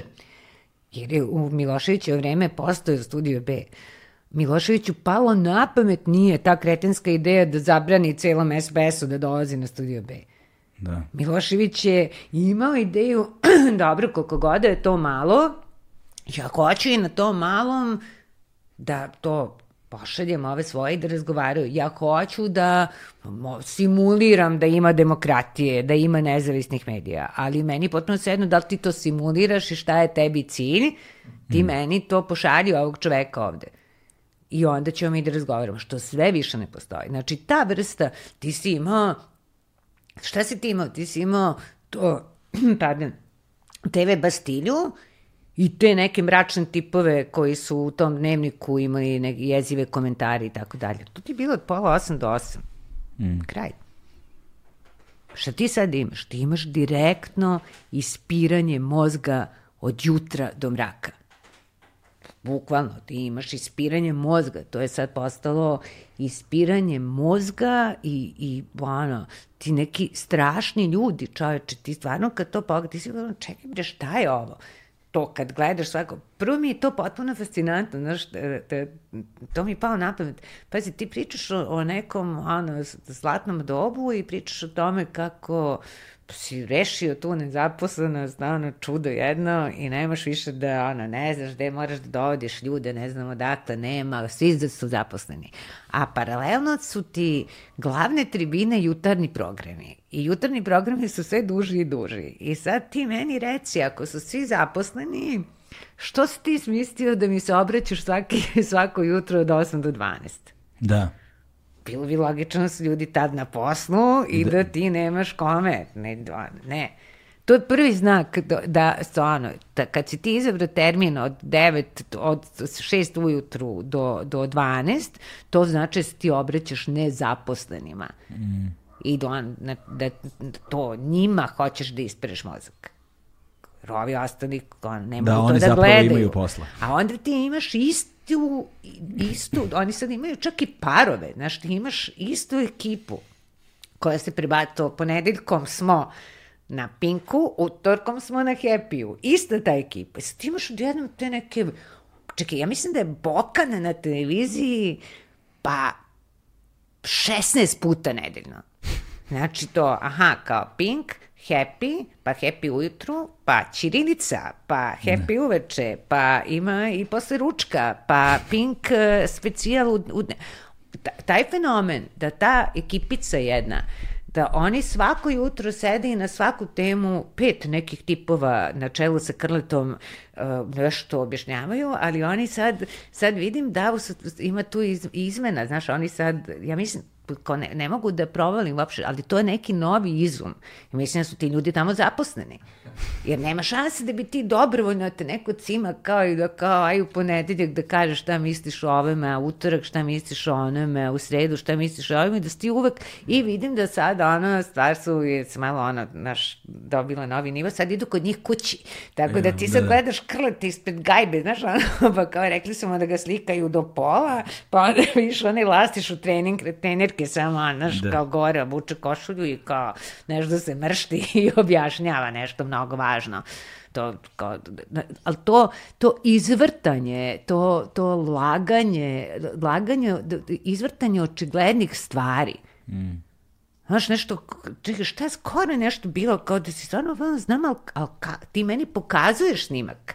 A da, ovo, ovo, ovo, ovaj, onaj teror uh, uh, Bijela i Gaga Antonijević. Aha, da, da, da, da, da, da. I ti sad od jutra meni to me maltretiraš, tu sede istoričari, uh, to ne znam, ono, verski analitičari, medijski stručnjaci, van, strašno, strašna stvar se desi, zamisli kao u kafane, nikad u istoriji, sve vreme slušaš te gluposti, yeah. nikad u istoriji, kao se na filmskom festivalu nije niko potokom, nije valjda, kao ima i ti istorijski podaci, kao, da, ja. da. ali ti, tebi, oni ceo dan roka slikaju taj snimak, koji je okay, mislim, brzima da izgovaram te ono, banalnosti, ja sam protiv svakog nasilja i ono, suđujem, da. ono, baš briga. Ne, naravno da kao nisam u fazonu bravo, kao, ali ti meni pokazuješ taj snimak koji je sam po sebi vrlo uverljiv. Da, da. Gledaš ono, nabada ga čovek i se...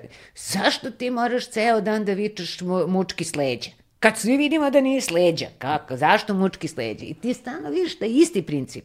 Njima nikad nije dovoljno to što se desilo. Da. I on, nego moramo još i mučki sleđa. Da. Što? Ko je, ti malo ovo? Pa mora, i, i šta ti, znači ti mene praviš tolikim idiotom da mi pokazuješ sliku koju ja vidim da nije sleđa, ti mi govoriš vidi sleđa. Znaš, ko one ove žene što, što su to napravile čuda sa sobom? da. sa tim ono, ustima i ovim i onima, onda se pojavljaju u televizijskim emisijama, pričaju kako nikad u životu ne bi uradila ništa, a istovremeno pokazuju u pozadini njihove slike od prije dve godine gde viš neku drugu ženu. Da, da, da. I onda si ono, sad, kako sad to, ne razumem. Znači, očigledno, očigledno laganje. Pa je to, ovo isto bilo sad, ovaj, ovo, Marko Vidojković. Da. Marko Vidojković opsalo. Če zar nije dovoljno što je opsao, što moramo da vičemo psovo mu je majku. Da, da, da. Kao što, pa nije mu psovo majku. Kao to, ali ne, pa no, to, to, to je, uh, uvredljivo ti je što znaš da se ništa tu ne radi bez, bez istraživanja i bez rejtinga. I to ti je najvredljivije. da si ti ukapirao da to pali Mm. i da ljudi to gutaju. E sad, ono što je zabrinjavajuće u svemu tome, nije toliko, mada jeste, to što oni to rade, nego što ljudi to zapravo gutaju. Znaš, kad ti sediš i kada tebe ono, osjećaš fizičku bol banalnosti onoga što vidiš. Znaš, ono si, ne, ne, ne ja ne znam ni jedno ljudsko biće u svom širem okruženju koje može da pogleda ovo i da ne odbaci, odbaci kao potpuni kretenizam sa apsolutnim gađenjem i kao ti vidiš da to prolazi. I sad taj, taj, taj trenutak, kad to osjećanje, taj, taj, taj trenutak neverice, kad kao ne možeš da shvatiš kako ovo prolazi. Znači, gde, kod koga, ko su ti ljudi, To, to. znaš, znaš kao, gde, na koji način, koje to istraživanje vi radite, gde ti ljudi Mhm. žive, znaš, hajde da ra- porazgovaram sa njima, daj da upoznam jednu takvu osobu, ali očigledno da ih je mnogo i da, da su svuda. Mhm. Je, da, su pa to, svuda ja- I da ili, ili mi živimo u nekom mehuru u kojem mi ne vidimo stvarnost kroz neki trostruki ružičasti veo, Mhm. znaš, ili nešto tu ozbiljno, znaš, ja ne mogu da razumem, ne, baš mi je teško, znaš, da li smo mi zaista kao društvo svedeni na toliko nizak nivo, na toliko primitivan nivo, da ovakve stvari, potpuno glupe, znači lišene bilo kakvog smisla, prolaze. Znaš, kao, da, da li je stvarnost toliko zastrašujuća? Zaista. stvarno, meni, meni je isto to potpuno nejasno. Ja ne znam, ja ni, ono, znaš, kao nije tačno i to ti isto vredljivo kad ti neko govori kao, ma ti živiš u krugu dvojke, ti ne poznaš Srbiju. Nije tačno, poznaješ Srbiju, ideš Ne. negde, putuješ, poznaješ ljude. Nisi sreo nikada ni jednog abonenta Da. tih splačina. Kao gde su oni? Ja stvarno ne znam gde su oni i ne znam ko je taj svet. A zato je i uvredljivo da, da ti shvatiš da kao, aha, to, oni, po, oni ih poznaju, oni znaju. Da. Oni znaju, ali opet ako je tako, uh, zašto ih onda toliko, što im je toliko stalo da, da, da prave budale od ljudi? Zato što im je potrebna uniformnost u razmišljanju. Zašto im je toliko stalo? Ono, stvarno je nekako... Pa zato što je potrebna uniformnost u razmišljanju i to je ono što sačinjava deo totalitarnog režima na neki način. Ta vrsta uniformnosti i, i standardizacije toga, što se onda tako lako, lakše kontroliše. Individualizam je tu... Ali to znaš što je to? Problem. Ono, to je stvarno dovedeno do savršenstva. To, ti, ti gledaš to i samo si, čekaj, To je savršeno glupo. Jel može, pa to, jel može, jel može greškom, na primjer, da se pojavi neko ko je normalan? Da. Ono, jel može greškom neko da izgovori jednu rečenicu koja je istina? Jel, ono, ne, nema šanse, kao, znači sve, sve je to ono, savršeno napravljeno. Od toga kako govore, do toga kako izgledaju, do, do, do, do ono, potpuno je savršeno. Kao to kako se ne zezneš, ono, stvarno. Da jednom to obučeš nešto što nije odvratno. Da. Kao, ono, jednom, kao to. Slučajno. Slučajno. Slučajno, to, to, slučajno. Prvo što sam dovatila. Neko te nagovorio možda da probaš. Znaš? Ovaj, e sada, um, um, t- on, što, si, što si malo prepominjala, dakle, oni su izdali naređenje nema gostovanja. Oni su uh, na, u, u investirali strahovito u tu polarizaciju, u to, ra- u to razdvajanje na crno i belo, mi i oni. Tako je. Ovaj, I onda a, su oni počeli da nameću kao a, um, taj, taj, taj narativ a, isto, dovodite samo istomišljenike. Znaš, a s druge strane, vršeći takvu vrstu represije, desilo se ono o čemu si govorili, jeste da su se sad ta mesta, umesto mesta za kulturu dijaloga, jer dijaloga nema, ovaj, pretvorila u mesto na koje je zborno mesto za ljude da se, koji iole razmišljaju svojom glavom da budu u fazonu nismo sami. Evo još nekih ljudi koji misle na sličan način, nisu svi ljudi koji valjaju u ovoj zemlji otišli iz ove zemlje i ostali su neki da se bore i da veruju da ovde treba ostajati po svaku cenu.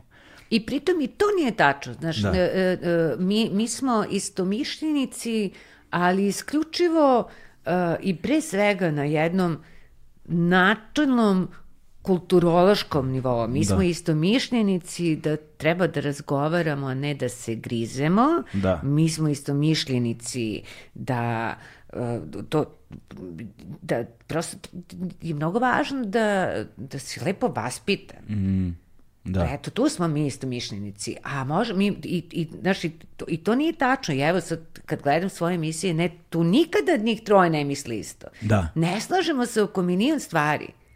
Da, pa evo i sinoć, na primjer. Pa evo da. i sinoć. Znaš, kao stvarno, što, što mi je bilo super zato što uh, nisam, znaš, to, kao sad to imaš utisak da sve već unapred znaš šta će ko, tako da je sinoć baš bilo iznenađenje kao to uživo svima, kao, da. kao, kao, i, i kao to, i, i, i ovi doktori su se isto, kao, kao to slatka mala Sofica i kad je slatka mala Sofica pokazala zube, baš su zvunili. Da, da, da, da, vrlo, vrlo, vrlo žustro, ovaj, a, ali ništa manje od, od, od, od peščanika čovek, od osoba koje su na peščaniku i ne očekuje, ja njih obožavam baš zbog te tvrde linije. Oni su nekako kao neki ono poslednji bastion naš iz koj, odbrane ono iz kog Ali oni su dalje. sećaš se u stvari oni su to oni su oni su prvi uveli to ma ne zanima me da razgovaram sa istomišljenicima. Da, da, da, da. Ovde kod nas ćemo mi da razgovaramo i ćao. Kao da, to, da. Oni, se, oni su se prvi imali te hrabrosti da otvoreno kažemo ne mene uopšte ne zanima da ja sad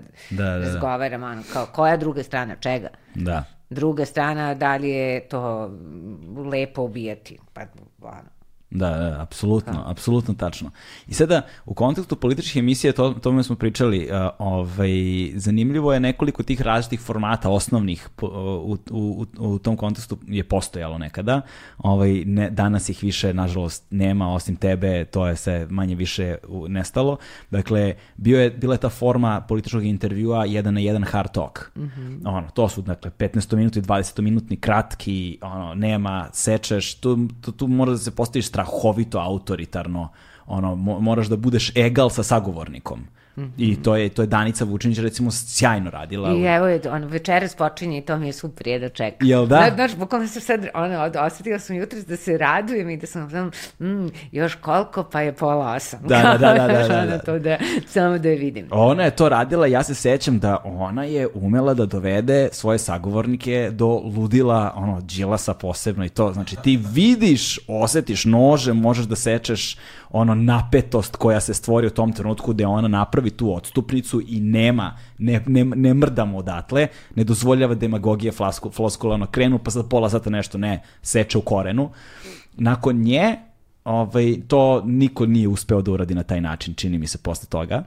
Ovaj, RTS i druge televizije su s druge strane negovale politički dija, debatu, dijalog, nazovi, sučeljavanje, nazovi kako god hoćeš, ovaj, sa publikom.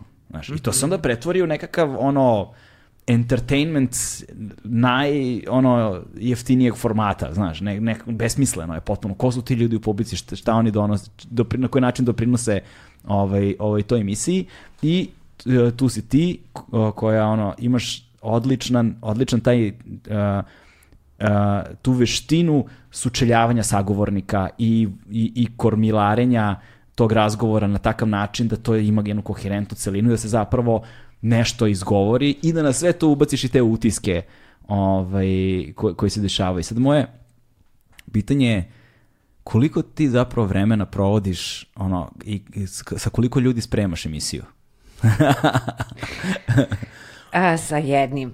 Pa, ja to radim sve sama. Sve, celo... Sve radim sama, ja, mislim, ne montiram sama, imam montažera, da. a, ovo sve drugo radim, i ne zovem ja goste, nego imam svoju to organizatorku koja telefonira. Mm -hmm. Evo, to, to su dve stvari koje, koje ne radim ja, sve drugo radim samo ja. Wow. A, ali to je prosto, uh, ja mislim da ne može drugačije. Ovo mm. što ja radim ne može drugačije. I ja sam to, pro, to mi svi uveravaju godinama kao, ma ne, kao, to ne moraš da nađeš neko ko će da, ne znam, gleda umesto tebe pa da ti kao samo ukaže. I ja ne mogu nikom da objasnim, to nije nikakva ta reč uobraženost. Nije da, da. to nikakva uobraženost, nego a, ne može niko da, znaš, ni ja ne znam, to su zapravo dramaturgije. Ja kad gledam pola sata nastupa Vulina, mm -hmm. a, ja, a, nekad mi je važno šta je rekao, a nekad mi je samo važno kako se nasmeo, da. a nekad mi je važno a, onda kad znam na kraju, kad sve to odgledam, pa kad ti se na kraju nedelje sklopi u u stvari kao što se juče sinoć klopilo kao to, aha, kao čekaj, znači imao si, kad vidiš to, to je to što je on pričao o petoj koloni i... Da, video sam to. Ono, to, na primjer, samo za sebe ne bi ni, uopšte bilo bitno da nisi imao kao, aha, kao, čekaj, ovaj Šešelj je pričao da je ovo, o izdajnicima i patriotama i ustašama, ovaj u petoj koloni, onda se to dramaturški uklapa u mm. jednu sliku šta smo mi sve imali. Mm. I ja ne mogu, zato to, znaš, neko, i ko će sad to meni? Meni će neko da kaže, evo, bio je Vulin i rekao je uh, nešto što je vest, kao rekao je, ne znam šta, da, da. ćemo saslušati Nebojša Stefanovića. A ovo neće ni da registruje. Da. Znaš, to prosto, ono, to, mo, ja moram da gledam svojim očima. Mo, niko ne može da gleda mojim očima. Da. To, to prosto, ti smišljaš onda i naslove za ja te priloge. Ja smišljam naslove, da. Ovaj, koliko ti vremena u toku nedelje i dana uzima, naš, pripremiti, ono, sedam, imala si sinoć osam, pre, osam predloga sam imala sinoć. Znači, to je, ono, znaš, kao, na, najviše volim kad stignem i u ponedeljak i utorak, makar malo da bacim pogled, da nešto napišem na papir, da, da bi onda od srede zagreo stolicu. Znači, bukvalno od srede do nedelje sam ja to, ali koliko, 24 ali, sata na to. A to koliko sati provodiš u samoj montaži, u samim pa, procesima? Znači ja kad, kad dođem u montažu, tu sam ono, to je jedno 6 sati, mm -hmm. to 5-6 sati, ali ja već dođem sa bukvalno svim to kao, aha, kao to 19.10 e, Pink e, Vučić rekao ovo, 18.30 na istu temu N1 Ana Brnabić rekla ono, tako da ja to već imam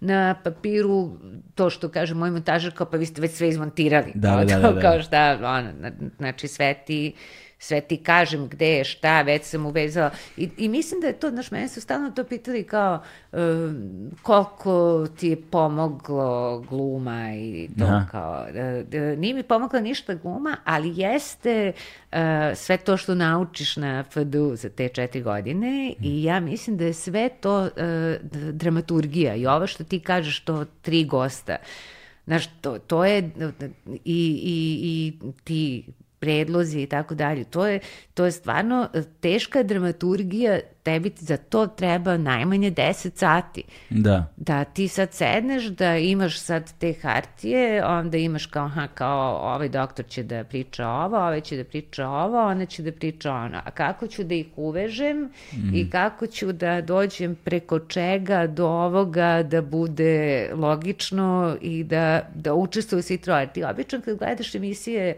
sa tri ili četiri gosta, e, to, ti vidiš da u stvari najmanje dvoje odu frustrirani kući. Da.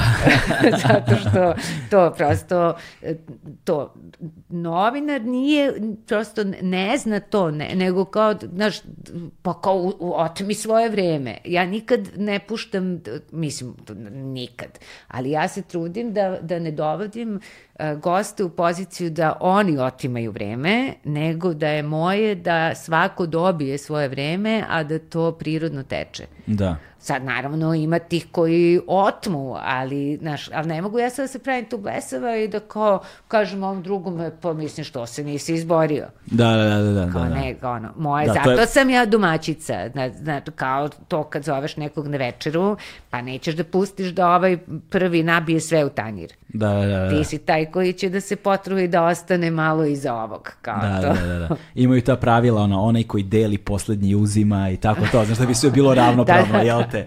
Ovaj, ali da, to je, to je uloga dobrog televizijskog voditelja. To je još jedna stvar koja nam zapravo u medijima nedostaje. Znaš što, mislim, cijela stvar je stvarno to u, u, u, u, u toj pripremi i ta priprema mora da bude ogromna. Mm. Ti stvarno moraš da si, ti ne možeš da kažeš kao, ma, kao šta ima da se sprema, znam bre već sve o tome. Da, da. Šta da. sad treba se spremam da razgovaram o tome da li treba jedna kolona ili dve kolone.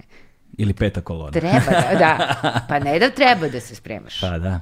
Znači to da bi ti, ono, da bi stvarno mogo da to vodiš kako treba i da bi to mogo da uvežeš i da ne bi imao prazne hodove.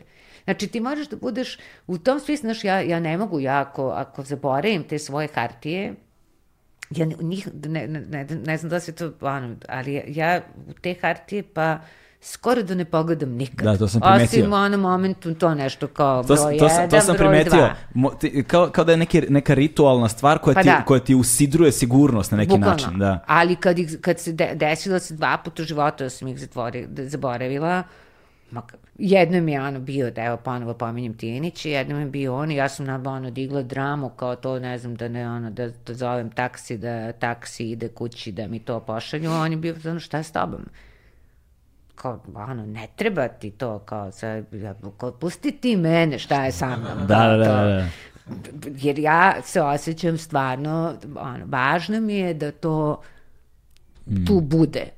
Kao, i nema veze što, što ne pogledam, ali ti, ti na tim papirima imaš 7 biliona stvari koje nisi ni pitao, ali nije važno, znaš, to je to kao govoriš studentima, nije važno da, i čak je važno da ti ne pokažeš koliko si spreman. Aha, da. Znači, nije sad poenta kao je sad, kad sam se ja već spremila za ovu temu i pročitala 7 biliona tekstova, ne znam, o statistikama ko gde je vakcinisan, to ne služi to da bi ja briljirala i vikala, ne, to služi samo da ja imam to u šteku Mm, ukoliko ustreba.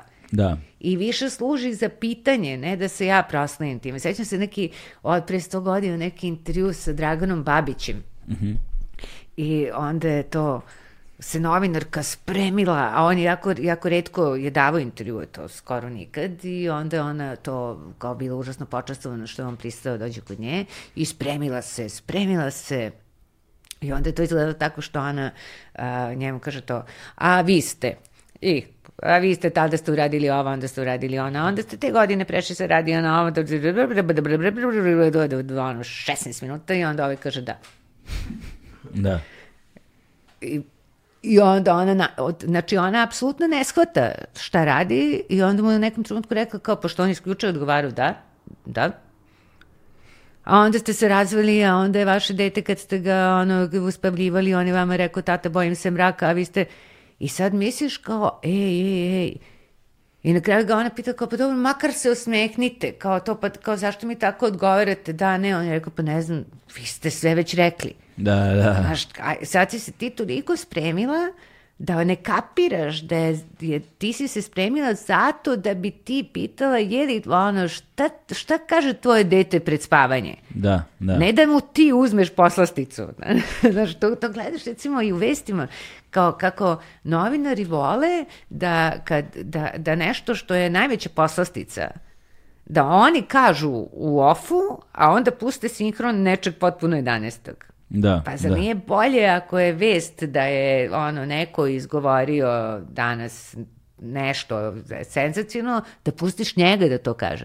Mm. A ne da ja kažem u ofu uh, Vučić je izjavio da tona marihuane nije ništa, a da onda pustiš Vučića da kaže "V- lepo je u ovoj sajem u Dubaju. Da, da, da, da. Ne, ne, obrnuto. Čekaj, Ti a kaži, tona, a tona marihuane kad si već pomenula, čoveče, ta, ta izjava sa, za, sa Goluvijom, mislim... Ali ja mislim, znaš, ja, ja, ja mislim da, da to, kao koliko god je on maher, i da- ja, znaš, ja, kao sve, od- on, ona se uverio da kod njega nema greške, nema slučajnosti, znao se. Ja mislim da postoje stvari koje, koje njemu od te njegove sad već raskomoćenosti, on se toliko čovjek raskomotio. Da, da, razgačio, Baš ono, raspištoljio. Bukvalno, kao stvarno si, ono, čekaj, koliko to stvarno treba da si komotan u, u, mozgu, da misliš da si ti dobrodošao u našim ku- kućama 16 puta dnevno svaki dan po dečuke. Pa to je stvarno, to ono, daš, pa stvarno sad ne bi ono A sad, to... po, ali postavlja se pitanje ko- da, koliko je odvojen, odlepljen od stvarnosti u tom kontekstu. Znaš, znači, nj- krug njegov, njegovog života, ono, od, od jutra do mraka i sutra i ponovo i nedelje iz meseca u mesec, ko su ljudi kojima je on okružen, koliko kontakta i dodirnih tačaka sa svakodnevnim zapravo ima na bilo koji način, da li je to sad posledica, hoću kažem, da li je to posledica tendencioznosti, da li je to ono uverenosti, ili je to posledica ono uh, odvojenosti od realnosti ili je kombinacija ta dva možda? Ja ne, ja mislim da to stvarno posljedica gubitka svakog osjećaja da, da, da nije sve tvoje, čoveče. Da. Ti si bre, ono, to pa što ja sam, ovo je moje, vi ste moji, vaše kuće su moje, ja, ono, vi nemate ništa bolje u životu i pametnije nego da čujete mene i ja ću, evo, opet da vam kažem, tako da se izleti. Da. Ja mislim da njemu to izletelo. Da, da, da, da. da. Bukvalno to, jer kao to ne možeš da kažeš to stvarno ako si razmišljao 10 sad.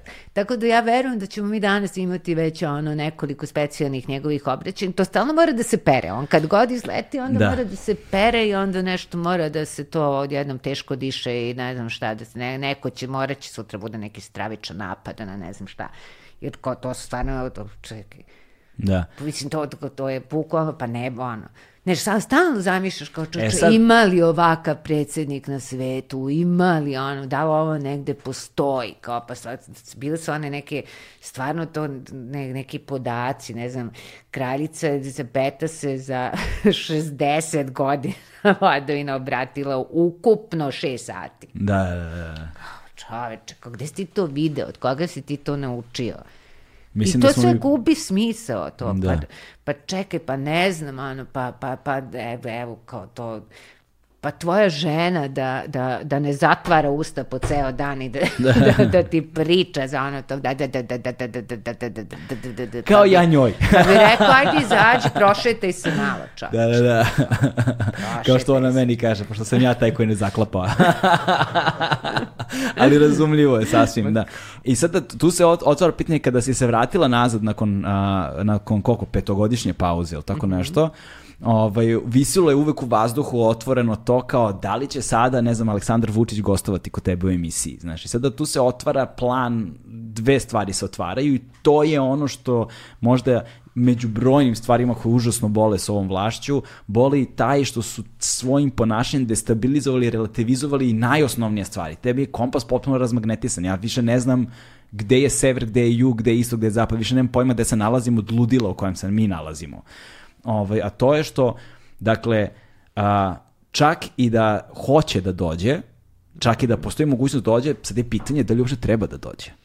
To, znaš, to su, to su uh, Zavisim stvarno koji je sad to absurd, znaš, uh, i, i to smo baš, prvo, taj moment prvo da bi neko došao, potrebno da ga pozoveš. I za početak, da. I sad je to već... On, on je već pozvan u naše živote onoliko. Već je jedno pitanje. I on se čovjek stvarno, to, ovo sve što vidiš, on sebe poziva sam.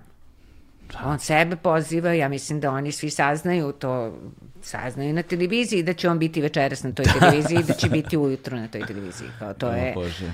Ali, ali s druge strane, uh, Znaš, i, i to, je, to je stvarno istina, to znamo svi koji se bavimo time. Oni kad dolaze, oni dolaze kad to njima treba.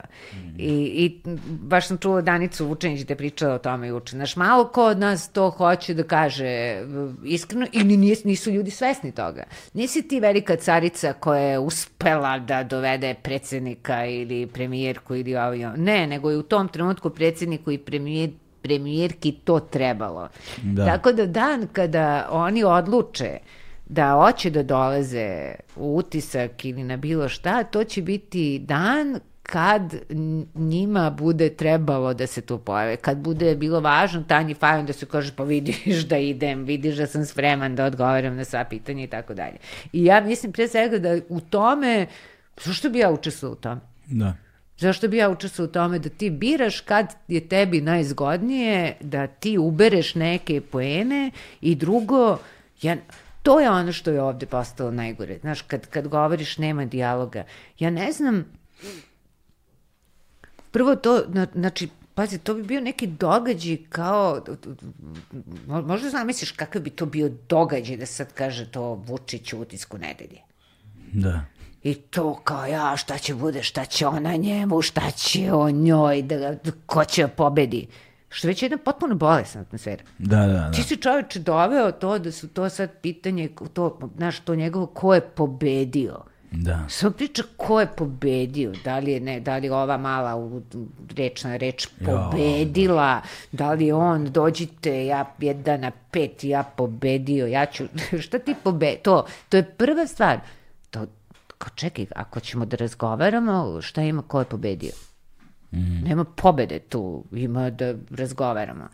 I sad ti stvarno, a, a zamisli sad sva ta očekivanja. E to, da. Ta očekivanja šta bi svako njega pitao, a ti ga nisi pitao. A zamisli šta, a, a, i kad ti pogledaš u stvari šta bi te, ti sve njega pitao, u stvari dođeš do zaključka što je stvarno nema šta da pitam. Pa da. Šta da ja tebe da pitam?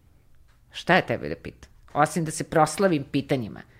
Bukvalno, te proslaviš se kao, ga, jer ti odgovor nećeš dobiti. To je nama sad uveliko jasno.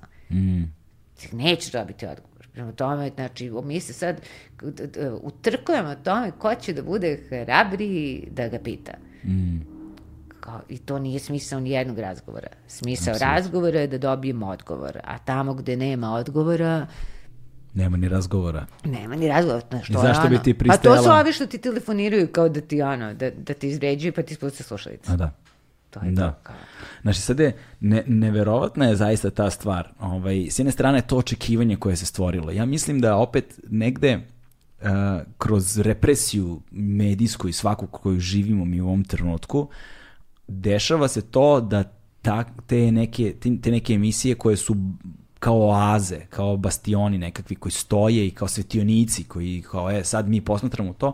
Sada se sa aspekta gledalaca, profesionalnih navijača političkih, -hmm. razumeš, nameće kao nekakav pritisak da u emisijama mora da bude izrečeno nešto strahovito, mm važno, pametno, -hmm. revolucionarno, da ako svaki gost nije da ti ono otvori oči, da ti osvetli put kuda treba da se krećemo i da nam da recept za rešenje naših problema, no, bez veze mi da, se, da. razočarani smo. Mm -hmm, mm -hmm. Znaš, i sad taj kontekst iz neverenog očekivanja, gde ljudi nabijaju toliko veliko očekivanje da ono ne može da bude ostvareno, nije realno da bude ostvareno, znaš, nalaziš se u jednoj vrlo čudnoj poziciji kako se uopšte vode sa takvi razgovori. Znaš, kako, kako, kako uh, sad, znaš, ali to mislim da nije toliko možda problem za tebe koliko može bude potencijalni problem za goste. Mm -hmm. Jer ljudi koji nemaju mhm. iskustva u gostovanjima, kada kažu svom okruženju, intimnom, ono, mm -hmm. prijateljima, supružnicima, rodbini, e kao, po, pozvana sam, pozvan sam, idemo, gostujemo kod kao utisku nedelje, to je sad jedan bauk. Užas, da. To, I to je sad jedan pritisak unutar kojeg meni se ponekad dešava, meni, s ovime ovde u sobi, znaš, a kamo ti tebi, siguran sam, da imaš sav, savršeno legitimne sagovornike koji ne smeju iz nekog razloga da se pojave, mm -hmm. na, ili im je naređeno, ili intimno oni plaše se ljudi. Mm -hmm. Strah im je utaran u kosti. Znači, da, da li se takve situacije i koliko dešavaju i koliko često se dešavaju? Ma kako ne, pa mislim, pogotovo sad stvarno od kako postoji taj strašan Twitter i, mm. i, znaš, i onda ti, ti ljudi, ti zaista tražiš od ljudi kad ih zo, znaš, ne, ne da imaš razumevanja kad neko neće dođe. Ovo je jedno ti koji ne smeju da dođu iz političkih razloga, da. zato što im je zabranila stranka, zato što se boja. Ali ima gomila tih drugih ljudi koji stvarno da ja, ja, se, ja sam to odmah, znaš kad bi ja došla u utisak nedelje? pa to nikad u životu. Da. Znaš, kao to, čekaj, što, šta će ti to u životu? Što bi ja išla negde da se, kao, ono, pogotovo to kad se viče nova lica, kao, što bi neki čovjek koji živi svoj normalan život, radi svoj posao, sebe izlago, da ga od sutra to da ga prvo razvlače tu, ono, neki anonimni polusvet pod lažnim imenima da nešto kako se usudio ovo, kako se usudio ono, vidi kretenja, da ga prepoznaju na ulici od sutra, da stiče neprijatelje, da stiče, šta će mu to čak? Da. To da. nije pitanje kao sad, ono, kukavica, nisi kukavica, nego stvarno to, šta će mi to? Mislim, super je kad imaš to kao, ono, neka košta šta košta, važno mi je da kažem. Ali mm. sasvim razumem kad neko sebe neće da izlaže tamo. Da, da. E sad, s druge strane, uh, uh, potreba ljudi da iskorače u javnom prostor je onda pretpostavljalo nekakvu, ne, nekakav splet okolnosti kojim se desio, desio u životu i sad im je potrebno da iskorače mm -hmm. i sada, sad je već kao krajnje vreme da izađu da nešto kažu kada je ono dotaralo do samog kraja, kad su se nalaze ono nekom cool de saku ili šta god. Uh, Ovaj, ali s druge strane, Znaš, ja recimo isto tako kad znaš, radimo te razgovore i onda se ja osjećam, sad mene neko zove tamo šta ja ima, znaš, osjećam se ponekad malo kao licemer, znaš, licemerno mm -hmm. se osjećam, sam ne želim da učestvujem u intervjuima od yes. kojih živim, mm -hmm. znaš, s jedne strane, ovaj, ali, uh, ali onda se otvara još jedno pitanje, uh, utisak nedelje s vremena na vreme iskorači iz konteksta dnevne politike. Mm -hmm. Znaš, recimo, ajde sad da se pozabavimo nekakvim sadržajem iz kulture, da, ne znam, slavimo neki trenutak. Mm -hmm. Opet, se, opet ljudi budu razočarani, znaš. Mislim, čini mi se da, da, da, da emisija je na neki način ista, ali zapravo da se njena suština i njena pozicija u društvu menjala kroz vreme. Da, čak možda je sada su značajni ti utisci nego gosti mm -hmm. koji su u mhm. studiju koji će da govore o nekoj aktualnoj temi ili možda se čak i više otvara prostor za nekakav sadržaj koji nije nužno dnevno politički koji ono se pokazuje sve absurdnijim iz dana u dan. Mm -hmm.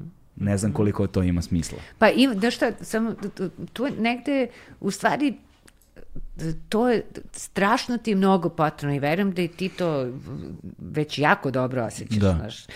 Tebi u stvari jedno od ono, najvažnijih poslova da sačuvaš sebe. Uš, apsolutno. Kao i bukvalno to da ne uđeš sebi u glavu. Mm. Jer su to potpuno Znaš, to, kao, to je kao neki, to bi isto mogo da, znaš, uđeš u te teorije zavere da postoji jedna, uh, da, da se ne zna ko, ko su gori, ovi što te pljuju ili ovi što te hvale. Da. I da je to u stvari neka tajna policija, isto da. ti što te hvale, znaš da su to ono kao, kao znaš, sećam se, kao, ja imam sestru bliznakinju i onda uh, su nastalo to, ti neki stariji dečaci, kao to, na konjaniku nas onako lože kao to, uh, ko je jača. Da, da, da. I onda se nas dve bijemo ko magarci, kao to za njihovo zadovoljstvo, da, kao da, da, da. ha, ha, kao to, ono, njima, njima lepo, a mi smo ubeđene da je to, ne, ne shvataš uopšte da si navučen mm. i da ti u stvari što ti govore kao bravo, bravo, treba to još jače, treba to još oštrije, da u stvari ti drugim rečima te bukvalno nagovaraju da ispadneš budala. Da, drugačiji Jer onda, maniru... znaš, kao stvarno to, kad ti, i, i ovo što ti pričaš, znaš, kad, kad to očekivanje i taj zahtev da ti sad nešto kažeš veliko, hrabro, uh, onda tako dolazimo u stvari do tih psovki. Da. Jer da. više jedna reč, jedna rečenica nije tako jaka i onda moraš u nekom trenutku da se proslaviš time što ćeš da kažeš, mm. ma to, ajde sad sve. Tako da, znaš, mislim da, da je to strašno bitno da ti prestan, da bukvalno sačuvaš sebe i da sačuvaš ono hladnu glavu i da kažeš čekaj, čekaj, kao ajmo iz početka. Mm. Da, ja uopšte neću da se plašim uh, neću da se plašim tebe kao mog gledaoca. Da. Zato što uh, mi smo se već dogovorili da se volimo i poštujemo. Da. Prema tome ja ću sad da se usudim da ti kažem evo meni ovaj film fenomenalan i ja hoću da pričam večera sa petoro ljudi o tom filmu. I sad će neko da kaže za tri dana, kao čekaj, kao gleda sam onaj tvoj film, po mene je to totalna bezeze. Baš me briga što tebi bezeze. Da, da, da ti nemaš pravo to ako me poštuješ da budeš ljut na mene što se tebi ne sviđa nešto što se meni sviđa kao. Mm. Ok, kao, ali samo da nešto daš sebi, jer je sigurno, sigurno nisi ti takav ekscentik, pa nek ona, nek, nek po nekoj emisiji stvarno bude mm. to 300 ljudi koji će da kažu, u, ovo mi je baš bilo super. Pa da. Ovo mi je baš bilo super. Važno je stvari samo, da, kao nema šanse, ako tebe ne zanima nešto, neće zanimati ni tako on je, tamo. Tako je. Ako tebe ne dotiče, ako tebi nije bitno, ne možeš da prevariš nikog da, znači, to je ceo recept. Radi ono u što si ti siguran da je tebi to okej. Okay. Mm. Da. I sigurno će da bude odjeka. Samo nemoj da foliraš, nemoj da se praviš da te interesuje nešto te ne interesuje, jer si onda providan istog sekunda. Da, mislim da je Hemingway to govorio, ako ti ne plačeš, ni čitalac neće plaćati, ako se ti ne smeješ, ni on se pa neće da. smejati. Znaš. Tako da moraš, ali to je fora što sa svakom, sad već posle toliko godina, samo si rekla da tebi se gubi granica između profesionalnog i pa da. privatnog. Da. Znaš, ti živiš svoju emisiju, tebi tvoja emisija uzima, posebno što je sama priprema, što je potpuno neverovatno. Čak ja za ovo ovde imam nas, ono, petoro da radimo, znaš, kao, znači, ni, a ti, kao, kod, kod tebe si ti sama u svemu tome, što znači da je, za, i, i s obzirom na to koliko sati dnevno i svakoga dana to uzima prostora, ono, otvara se odmah pitanje šta je to što radiš da izventiliraš zapravo, kao šta radiš u slobodno vreme? Šta Olja Bečković radi kad se, kada ne čita obsesivno ono uzajemno pljuvanja da. po skupštini, razumeš? Da, pa znači evo sad, to, to, čitam knjige, znači kad sam na moru, a sad sam stvarno počela da čitam i kad I nisam kukube, na moru, da. majke mi. E, ne znam na šta... A kako to... se isključiš, znaš, ja kad sam, ono, kad sam, ka, kad sam pod naponom, ne mogu da se spustim i da se fokusiram na, na knjigu, znaš, ne mogu jer mi radi točkić neki pa, znači, mehanizam pozad. Pa znači, za to uzmeš taj kao ponedeljak, ponedeljak, utorak, znaš, pa si, mm. ono, kao bukvalno si, a sad idem, znaš, ko, ko kao idem, a sad idem da jedem kolače. Da, da, da. Kao to. Ili ideš da jedeš kolače? Ono, da idem da jedem kolače, da, da, ja, ono, da, ja mnogo volim da kuvam. Aha. To mi je nešto super, kao to. I sad tu, znaš, kao kako, kako mi, je, mi je sin veliki, da. pa se ocelio, sad je to posebno zadovoljstvo, znaš, da. kao, kao sad će dođe Luka na ručak. Da, da, da. da I da. onda nešto, to je ritual za kao to, kao šta će da ono, šta ćemo skuvamo za ručak. Mm -hmm. Kao, pa i to bi bilo to. A treninzi neki nešto, fizička aktivnost? Znaš šta to, ja, to, to mi je to, ta dva meseca mi je fenomenalno to leto, ja, ja obožavam da plivam mm -hmm. i to je ono jedino što me usrećuje, na, naš to nešto, kao plivaš nešto po sat, kao to, što dva da. kilometra, i sad, a sve, sve drugo, ću sad da se nateram da krenem na te neke vežbe druge, mm -hmm. ali to mi je sve dosadno. Aha, aha, ne ispunjava to mi je, Da, način. nije mi to, to ne, ne, mislim, plivanje mi je bukvalno je sve što želim u životu, kao to, da. sve, sve je tu sve je tu kao, a ovo mi je sve, mislim što prosto, znaš, ono, znaš da je dobro, mm. znaš da je važno, da znaš treba, da je da treba, kao i onda to radiš, ali kao baš sam srećna, nisam srećna, kao baš uživam da dižem tegiće, ono ne uživam. Da, da, da, da to. Da, ja, s druge strane, ono, meni je, meni je posle svega kao, znam, sam samo da sednem pored reke i da je posmatram celu dok ne isteče, znaš. Mm -hmm. ovaj, ali, ali s druge strane, znaš, doći do te tačke je užasno naporno. Znaš, šta sve treba obezbediti u životu da bi mogao da se nađeš u toj poziciji, onda su to zapravo samo neki ono trenuci u toku godine kada, kada to uspevamo. Ali evo, ali kažemo, uh, da se vratimo nazad na, na, na, na utisak. Um, uh, ljudi, ono što sam ja, na primjer, naučio kroz ovakve razgovore, Ovaj, jer su ovo sad neki dugi formati gde sediš na jedan na jedan sa nekime i onda kapiraš vremenom iz epizoda u epizoda još malo nama ide stota, ovaj, shvatiš, deluje na izgled jednostavno, a zapravo nije kao stavio si dva mikrofona, sedimo da. i pričamo. Znaš, a zapravo... Pa ne, ja te sve vreme gledam, znaš, i mislim kao to, eto, kao potpuno mi je jasno da uopšte nije lako. Da, da, da. I da si se mučio i pet dana ranije i sad i kao sve, kao ha, ali tačno znam šta to, ko, radi mehanizam. Radi, kao gde ćemo sad, gde ćemo, ono, e, sad... gde da krenemo, da je ovo sad, da ono, nemoj da šlajfujem, kao sve mi je jasno, aha, ovo možemo bacimo montaži, dobro. Da, da, da. da. e, ovde je fora što... Ovde nema ništa. Kao... Ovde je fora što se vidi integralno bez montiranja, znaš. Ovaj, zato što zato što lepota ovih razgovora se sadrži upravo u tim običnim ljudskim trenucima kada imaš poštapalice, kada skrenemo s teme o nečemu nevažnom, vratimo se, jer to je ono što daje ljudsku dimenziju razgovoru. Jer sve ostalo što je u tradicionalnim medijima je fokusirano na određene teme i na nešto što mora da se izgovori, da se kaže, da se dobije. Treba si to ranije da mi kažeš. Ove, ovaj, e, a, zato me sad zanima, Posebno, ok, ovde u ovom slučaju jedan na jedan, ti radiš sučeljavanja sa sagovornicima i to izgleda kao dođu ljudi u studio, ti sediš i razgovaraš sa njima. Postoji određena priprema koja se da radi na određene teme koje se dešavaju, ali bez obzira na to, bez obzira što je format ostao nepromenjen, emisija se menjala.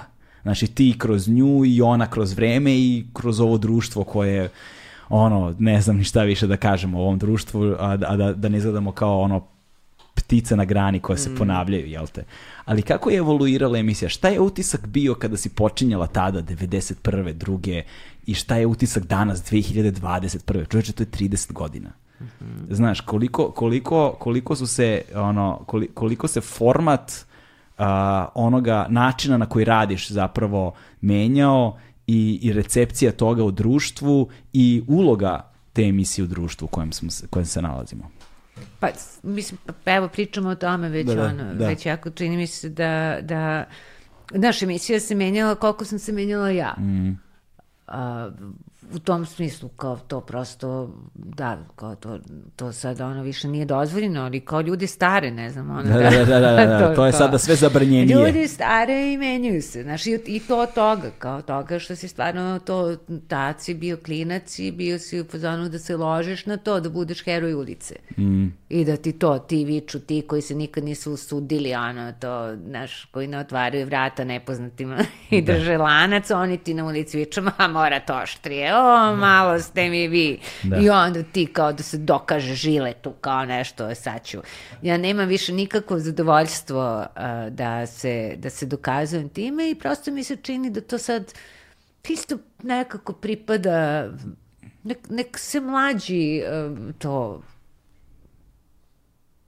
proslavljaju time, a, a vidi šta sam mu rekao. A gde su ti mlađi? Pa ne znam, njihova stvar, kao, ali da, da. ja prosto sam opazano, znaš, kao to. Osim što se povremeno fotkaju na ulici kao, sa tobom. Ne mogu ja sad da, da ono, ne, neću, ne mogu da glumim uh, strogost koju, koju više nemam. Znači, mm. omekšala sam, razum, to, i, i ne, ne vidim to kao manu. Da. To prosto, ono, nekako mi je nemam i, i, i ne volim više, znaš, nekako i kad se to nešto desi, uh, kao da, da nešto si nekog kao pobedio emisiji, ja ne volim više taj osjećaj. Mm. Ne volim da mi ljudi izlaze iz emisije isfrustrirani zbog mene. Da ne A dešavalo se to ranije? Pa dešavalo se. Mm. Dešavalo se i prosto to, mislim, ne, ne mogu ja sad, ali prosto mi se čini kao nije uopšte poenta, to nije poenta da nekog spustiš. Ti možeš da to, da, da, ne, ja ne odustajem od toga da hoću da dobijem odgovor na pitanje, da hoću da, da to kao da kažem da ne, nije tako, pa kako možeš to da kažeš kad je jasno ovo, zar ne vidiš ovo, ali neću, neću da te ponizim to. Da. da. Nekako, da. i to ne, ne volim više da gledam, znaš, ne volim, ne volim to nikad gledam, ne volim taj neki fazan sa visine, znaš, imam ja, sad i ja gledam i onda, ono, kao, znaš, pa ko si ti bre kao to, šta se ti da. igraš, sa koje to pozicije ćeš ti da... E, sada poslično tome, da li postoji utisak nedelje bez Olje Bečković? Pa ne, Da. Znaš, ne, ja, ja sam se godinama nadala da postoji. Ja, ja sam pokušavala da, napravim te dogovore, da, da prodam da prodam to format. Format, aha. I bez mene. Mhm. Mm I to sam pokušavala da, da to, kada to prodam bilo? Tijaniću. Kada, to, kada je to bilo aktuelno? Pa to bilo je to aktualno više navrata, kao, ali, ali bilo aktualno to negde početak 2000. Mhm. Mm početak 2000-te i posle negde kao to oko 2007. 8. ono, bila, bila takva neka ideja. Jer sam, ono, prosto sam bila umorna na hiljadu načina i, i samo sam mislila to, ako je to moguće. Međutim, znaš, i posle se pokazalo, to, to, to se prosto tako desilo, kao, znaš, sad ti ne, ono, utisak nedelje jednako je Olja Bećković ili Olja Bećković jednako utisak nedelje kao, znaš, niko, uh, i to kad nisam radila tih pet godina i, i kad sam nešto kao pokušavala, ljude ne zanimam ja bez utiska, da, niti da. ih zanima utisak bez mene.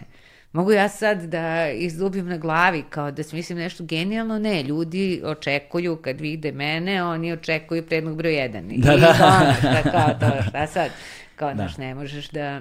A nisi razmišljala možda da baš zbog toga izađeš iz tog, uh, iz te matrice, iz tih vrsta, iz, te očeki, iz tih očekivanja, znaš, da se op, pardon, da se oprobaš u nekom drugom formatu. Pa kako ti kažem, to, to, to, to Pisala si kolumne bi, u tom periodu, to ali znam. Pa, zato da bi živala od toga, jer sam morala od nečega da živim, zato što nisam radila emisiju, a da sam uživala da to radim, ne, to mi je bilo užasno teško.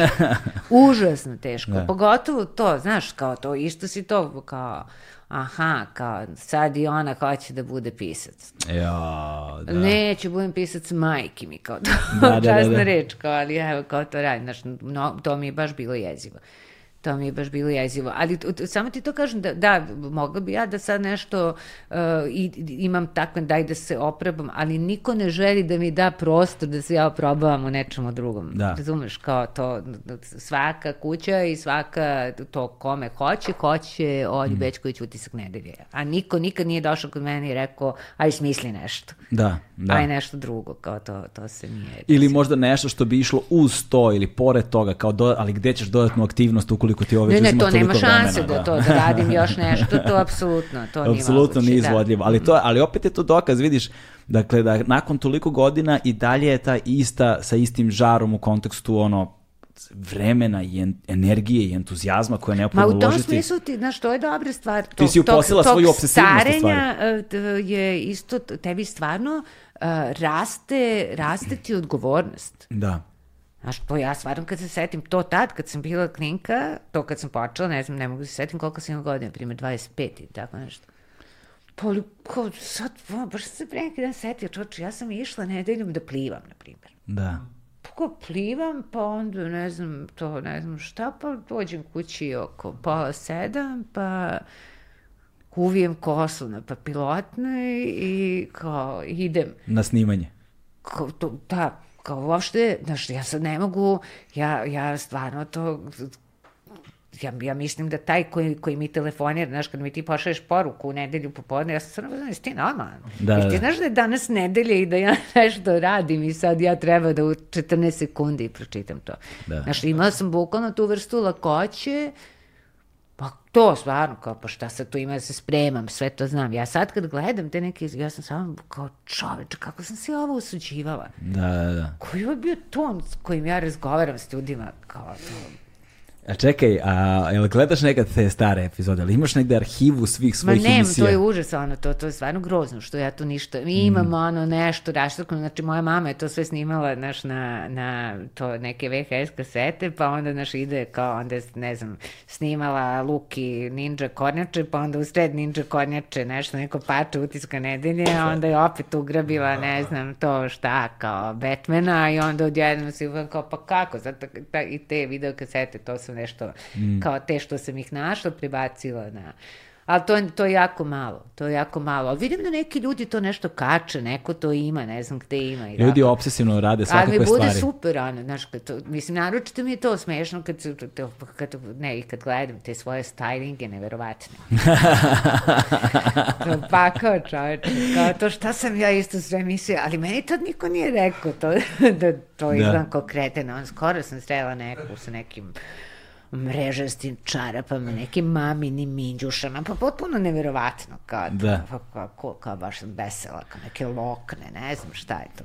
E, ali to je tragedija, čini mi se, velikog broja nas uh, koji radimo u medijima već sad ne znam koliko. Ovaj, ja mislim da ne poznajem dve osobe koje imaju ar- kompletnu arhivu onoga što su radili. Skoro niko nema. Posebno što se dešavalo da smo se uglavnom selili sa medija na medije, onda ono što si radila ili radio u nekim medijima, ostalo je tamo, otišli dalje pa dalje. Posebno sada kada ništa, posebno onda kada ništa nije bilo digitalno, nego to je bilo po nekim kasetama, trakama, po Pa nekim to. fiokama, ladicama, negde, neobeleženo i, znaš, ili te mrzelo Pa da, da, popunjavaš da. one, da beležiš kako treba, bez time kodova, bez Mhm. ičega, pa sad i kad ti neko da tu traku, šta ću s njome da radim, gde ću to da pustim, pa da ne, nešto prebacim, da digitalizujem, pa da pregledavam, pa da zapisujem time kodove. Ali znaš što mi je palo na pamet sad, kako je to, s jedne strane bi to kao nešto daj, kao da to sve imam, da to čuvam. I sve to, to što, što ti čuvaš, razne stvari, da ono, ne znam, slike, pisma, ovo, ono, znaš, ti jedan pomisliš, Pisma, da, čovječe. Da, ali- ima ali- pisama danas? Nema pisama više. ja nešto sam zanimljivo bila pročitala pre neki dan oko toga, ali ne, ne, ne. Ali, znaš ko, sad ti pomisliš i ti sad to nešto sve čuvaš, te sanduke, hrpe nekih, to, Da. nečega. I onda, da, jednog dana tebe više nema. Naravno. I šta si ti to uvalio tom svom detetu? Šta on da radi s tim? Znaš, i sad on neće imati srca da uzme i da to baci. Da. I sad, a onda će njegovo dete morati čuva bakine gluposti. Kao. Da, da, da. Znaš, kao, vrlo mi je to stvari, šta je smisao tog? I sad će kao, šta sad, kao, i mene mrzi da uđem u tu arhivu i da gledam. Mm. A baš će Luka sad kao da, znaš, imaće on druga svoja posla u životu nego da gleda sad, što, i ovoga sad što ima na YouTube-u je dovoljno, kao Da, šta je mama da. radila.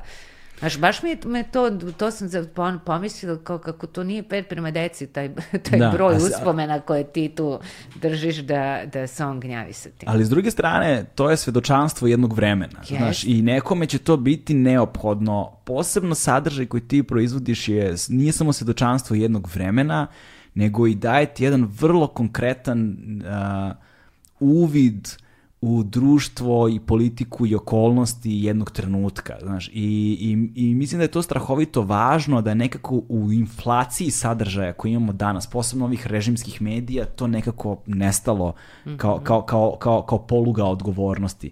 Jer s jedne strane mi sada živimo trenutke gde se otvoreno laže o snimku dok ga gledaš. Pa to. Znaš, kao, a kamoli nešto drugo. Pa ne, pazi sad ovo, znači ti sad imaš to. I ti sad imaš... Ti, ti sad možeš da uđeš na YouTube i ti, ti slušaš svaki dan te, te, ono, ordinarne neistine o tome kako u vreme demokrata nije mogao da se pojavi opozicija nikada nigde i sad to nije nikakav problem. Ukucaj utisak nedelje od 2000. do 2012. i vidjet ćeš Vučića najmanje 46 puta. Da. I ne samo u utisku nedelje, nego na raznim drugim mestima. Da.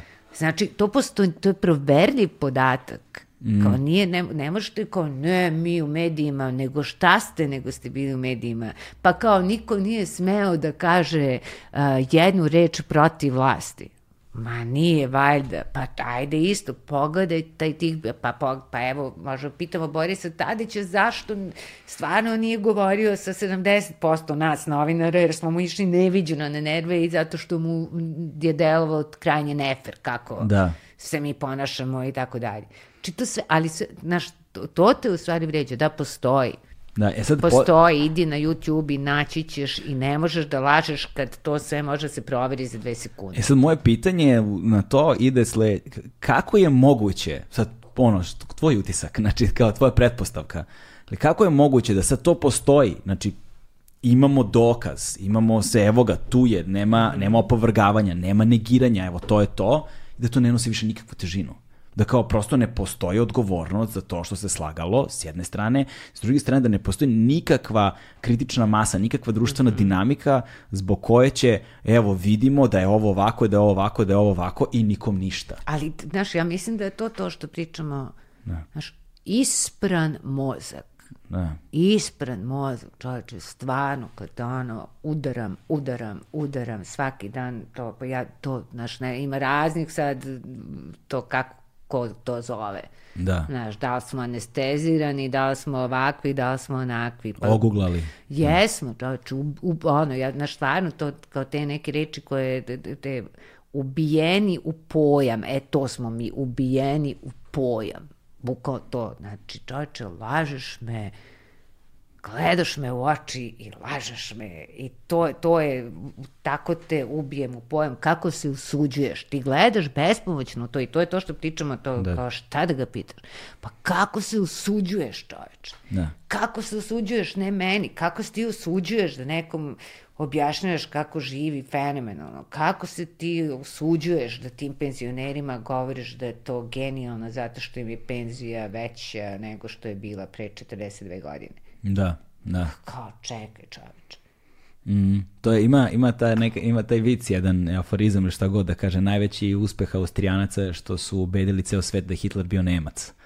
Znaš, isto tako mi se negde čini da je najveći uspeh ove vlasti to što su uspeli da ubede da su svi problemi koji postoje za, zbog prethodne vlasti. Ne, ali zamisli to, te morbidne, znači to bukvalno neko rekao, kao niš, znači što god te neko pita, pričaš što, pa čekaj, ja bi mislila stvarno, ja ne znam ono kako smo propustili da, da sretnemo Moglija, kao čovjek bi stvarno mislio da smo mi živjeli u džungli, kad ti mm. slušaš od njega kako je bilo pre nego što je on došao.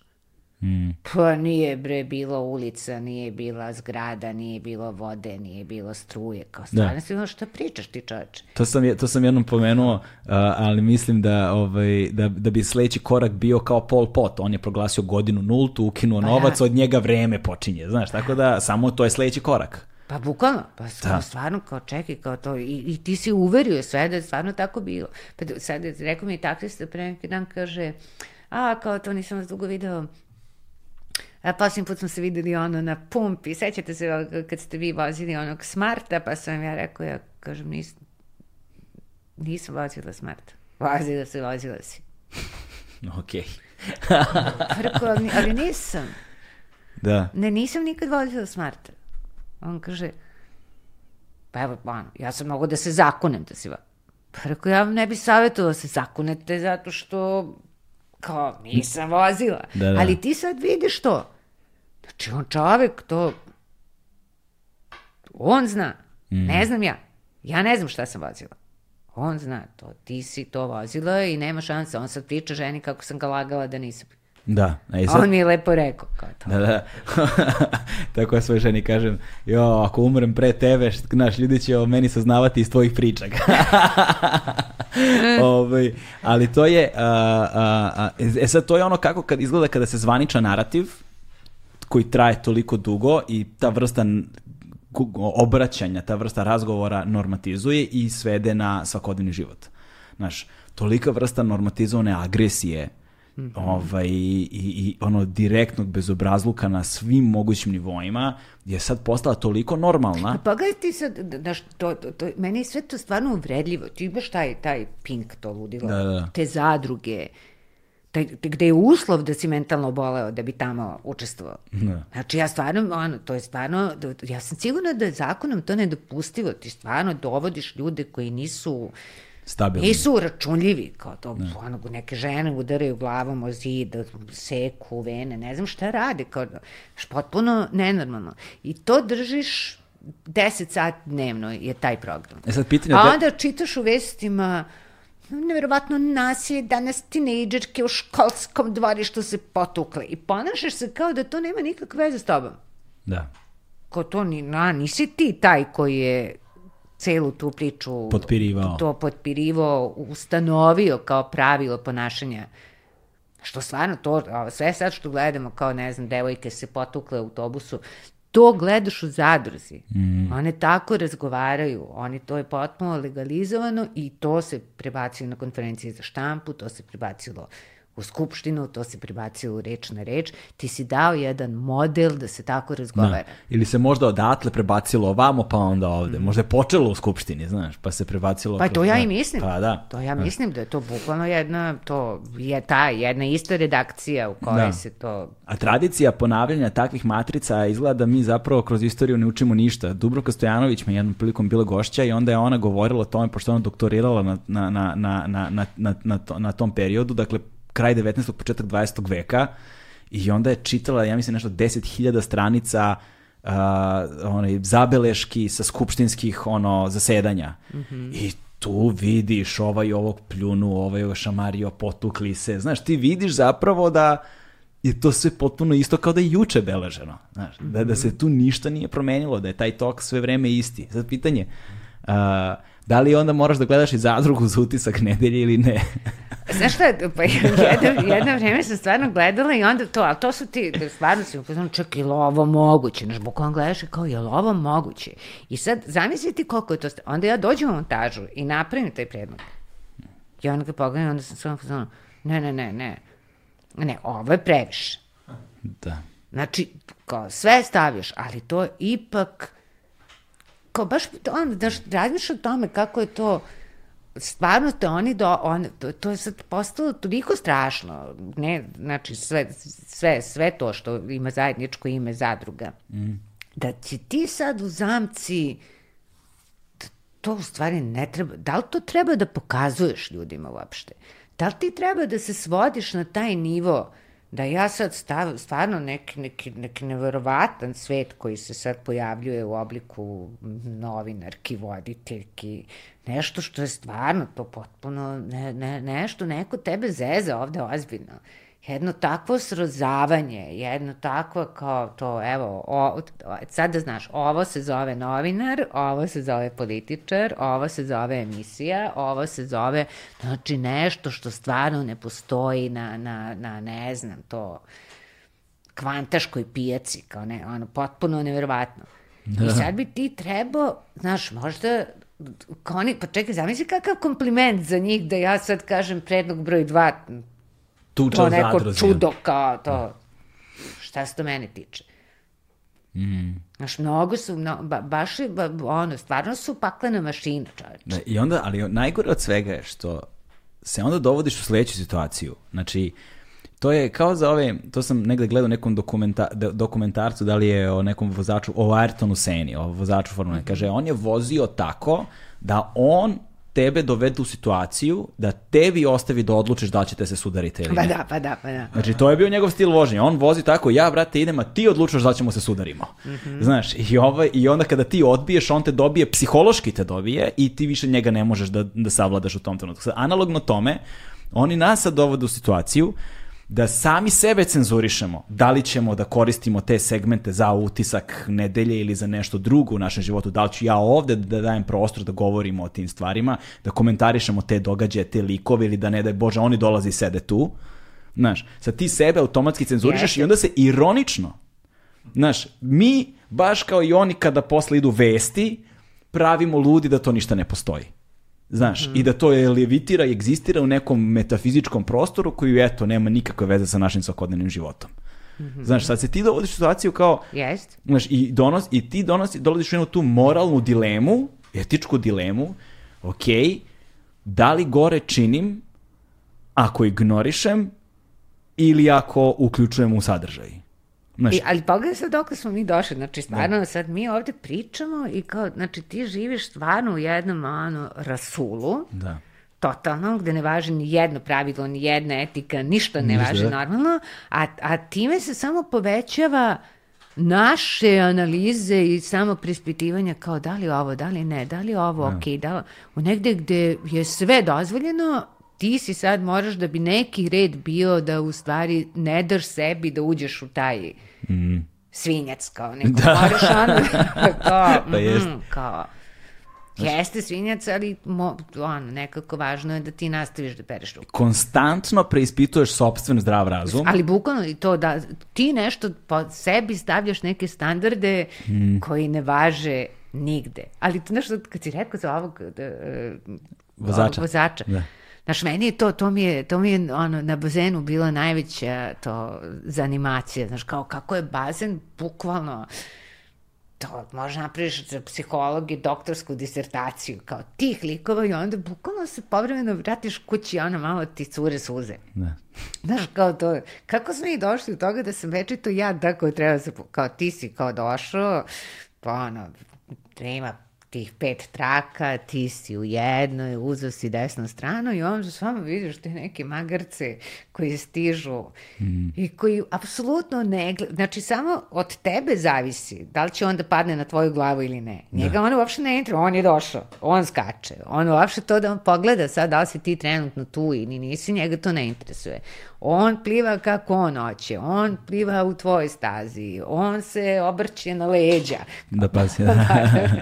Znaš, koji samo si, i, a i ti se stalno sklanjaš i ti onda jednom kapiraš, ha, ja sam kad sam došla, pre sad sam bila u ovoj stazi broj 1, ne znam otkud ja sad u stazi broj 4. Da, da, da. da, Kao, da. otkud ja sad, ono, u ćošku, otkud ja... Da, Kao kako smo došli do toga da će svaki i ono, svaki i onda kad ih vidiš sad stvarno kao te tipove pa onda još kad vidiš kada su došli s decom pa kad vidiš da su decu to isto naučili mm. i stvarno ono čoveče kao ali, ali znaš, a, a što je najgore, sad ti razmišljaš i sad kad bi mu ti rekao nešto da on apsolutno ne bi razumio čemu ti njemu pričaš. To je. On je bre platio kartu za bazen. Da, I da. on, ono, Ne došao da to, i šta ti njemu pričaš, tvoje, ili ti, ono, to, Da, meni se to desilo- čala ostavio. A meni se desilo znači, pre neki ono, dan. sileđije te bukvalno bacaju u ćošak. Da, meni se desilo pre neki dan, ovaj, nije baš pre neki dan, pre neki mesec, nemam pojma, ali relativno skoro, nazovemo tako. Bio sam ovaj, u Ustaničkoj ulici sam bio, tamo prema Dušanovačkom mostu, kod pošte, blizu na semaforu.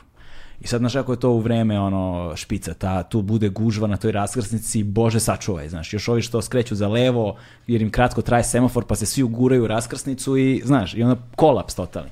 Stojim ja ovako dve trake, leva traka od mene, Ovaj, znači svi stojimo tu već neko vreme. na- Znači ne, nema izgleda da ćemo se skoro pomeriti odatle. I u toj potpuno besmislenoj situaciji lik u vozilu pored doliva ulje na vatru, lego na sirenu, lik, znači, spava na sireni. Strašno, znači, baš je ono, nepodnošljivo. I on, i kako je ona sireni, ali ja vidim ga kroz onako s moje staklo, pa kroz njegovo staklo, vidim ga kako on urla, psuje, to je totalni haos. A iza a, i mu je sin mu je na zadnjem sedištu, koji recimo ima, na primjer, 8 godina, recimo, nemam pojma. I ja rek, gledam, rekao, vidi sad ti taj uzor po modelu, znaš, to će, znaš. Da, pa I u jednom trenutku mali dolazi između dva sedišta, prednja, nabija se, preskače, razumeš, on se ovako odmiče se, razumeš, malo desnim ramenom u pravi prostor, on na sirenu, klinac na sirenu udara i kreće da psuje zajedno sa Ćaletom. I ja, po, ja posebno kažem, znaš, meni više ništa nije do, potrebno, znaš, da znam sve što mi je neophodno Pa o budućnosti ovog malog. Znaš, na, Ali- nažalost. To moj, moj, moj drug Vlada Minić kaže, to je skoro rekao, meni to je bilo užasno smešno, ali tačno kaže, ja mislim da neki ljudi vo, voze samo da bi svirali. Da, da, da, da. Kreneš ujutru, ne ideš nigde, nego Da. ajde, kao to, lezi na sirenu i pokaži se E, sad, i, tu, I tu je fora što u toj komunikaciji ja sam skva- skapirao da kada probaš da adresiraš nešto od svega toga, ljudi žive u takvom jednom, takvoj jednoj postavci da oni zapravo ni ne vide problem o kojem ti govoriš. Bukvalno to da stvarno... Apsolutno ga ne vidim. Ja, vidiš da to, ne, kako da razgovaramo kad ti ne shvataš uopšte što ono, ne razumeš. Ne, ne vidi ništa, ne vidi apsolutno, ne, znači, na- naš, i onda se ja nađem u situaciji, opet smo mi ti koji imamo dilemu, znaš, opet sam ja ta koji sebe preispituje. U ko, Moraš da se skloniš, pa bukvalno to, moraš ti da se skloniš. Tako je. Moraš ti da se skloniš. I kao i ne, ne umem mislima da obuhvatim problem. Ne znam gde da počnem da mislim i gde misao tačno da mi se završi, da sam ja opisao krug i da sad ja to imenujem na neki način i stvorim odnos prema tome. Ne znam, prosto kao da je omnipotentno, znaš, sve prisutno, tu je svuda oko mene na svim nivoima, ja više ne znam gde da se zatvorim i tu, je, i tu dolazimo do one tačke sa početka razgovora u kojoj meri ja sebi mogu da zatvorim te izvore informisanja pod znacima navoda i da zaštitim sebe, a u kojoj tački sam preterao sa time i ostao ono zažmurio na haos koji se dešava oko mene i dozvoljavam ga time. Pa, znaš šta, loš sam ti sagovornik, znači, da. to, ono, za to. Znači, ja, ja stvarno mislim da to, da bi, ali ja sam to, pa, kao super, kao gledaj utisak nedelje, Pa da. to je moj pre, predlog, kao ti se čuvaj preko ono, nedelje i sedi, gledaj, ono, ja ću sve to da uradim za tebe. Da. Ali prosto mi se čini, ne može to kao stvarno ta, ta priča kao, ma, kao ne gledam televiziju, ne čitam novine, neću da se trujem. Ali, ok, super što nećeš da se truješ, ali, ali, ali zato je to što mi pričamo, zato ti ne možeš da, da nađeš, zato ti ne, ne možeš više da izvučeš to 5000 ljudi na ulicu. Da. Jer nemaju nikako predstavu što, pa sve je okej. A jel, kao stvarno ima i to, pa nisam znao. A jel, to pričaju, pa nisam znao. Jer ti kad bi sebe izložio, ja stvarno mislim kad bi se ljudi izložili nedelju dana, samo gledaj happy čoveče, ano, to dosta ti ne moraš ni na pink, happy, kreni od jutra, ne da bi u ponedeljak za sedam dana imao šta da vidiš na ulici. Da, misliš da, ali, je li mislim da bi zai- ljudi, mislim da je, da je, da je ali zaista misliš da je tako?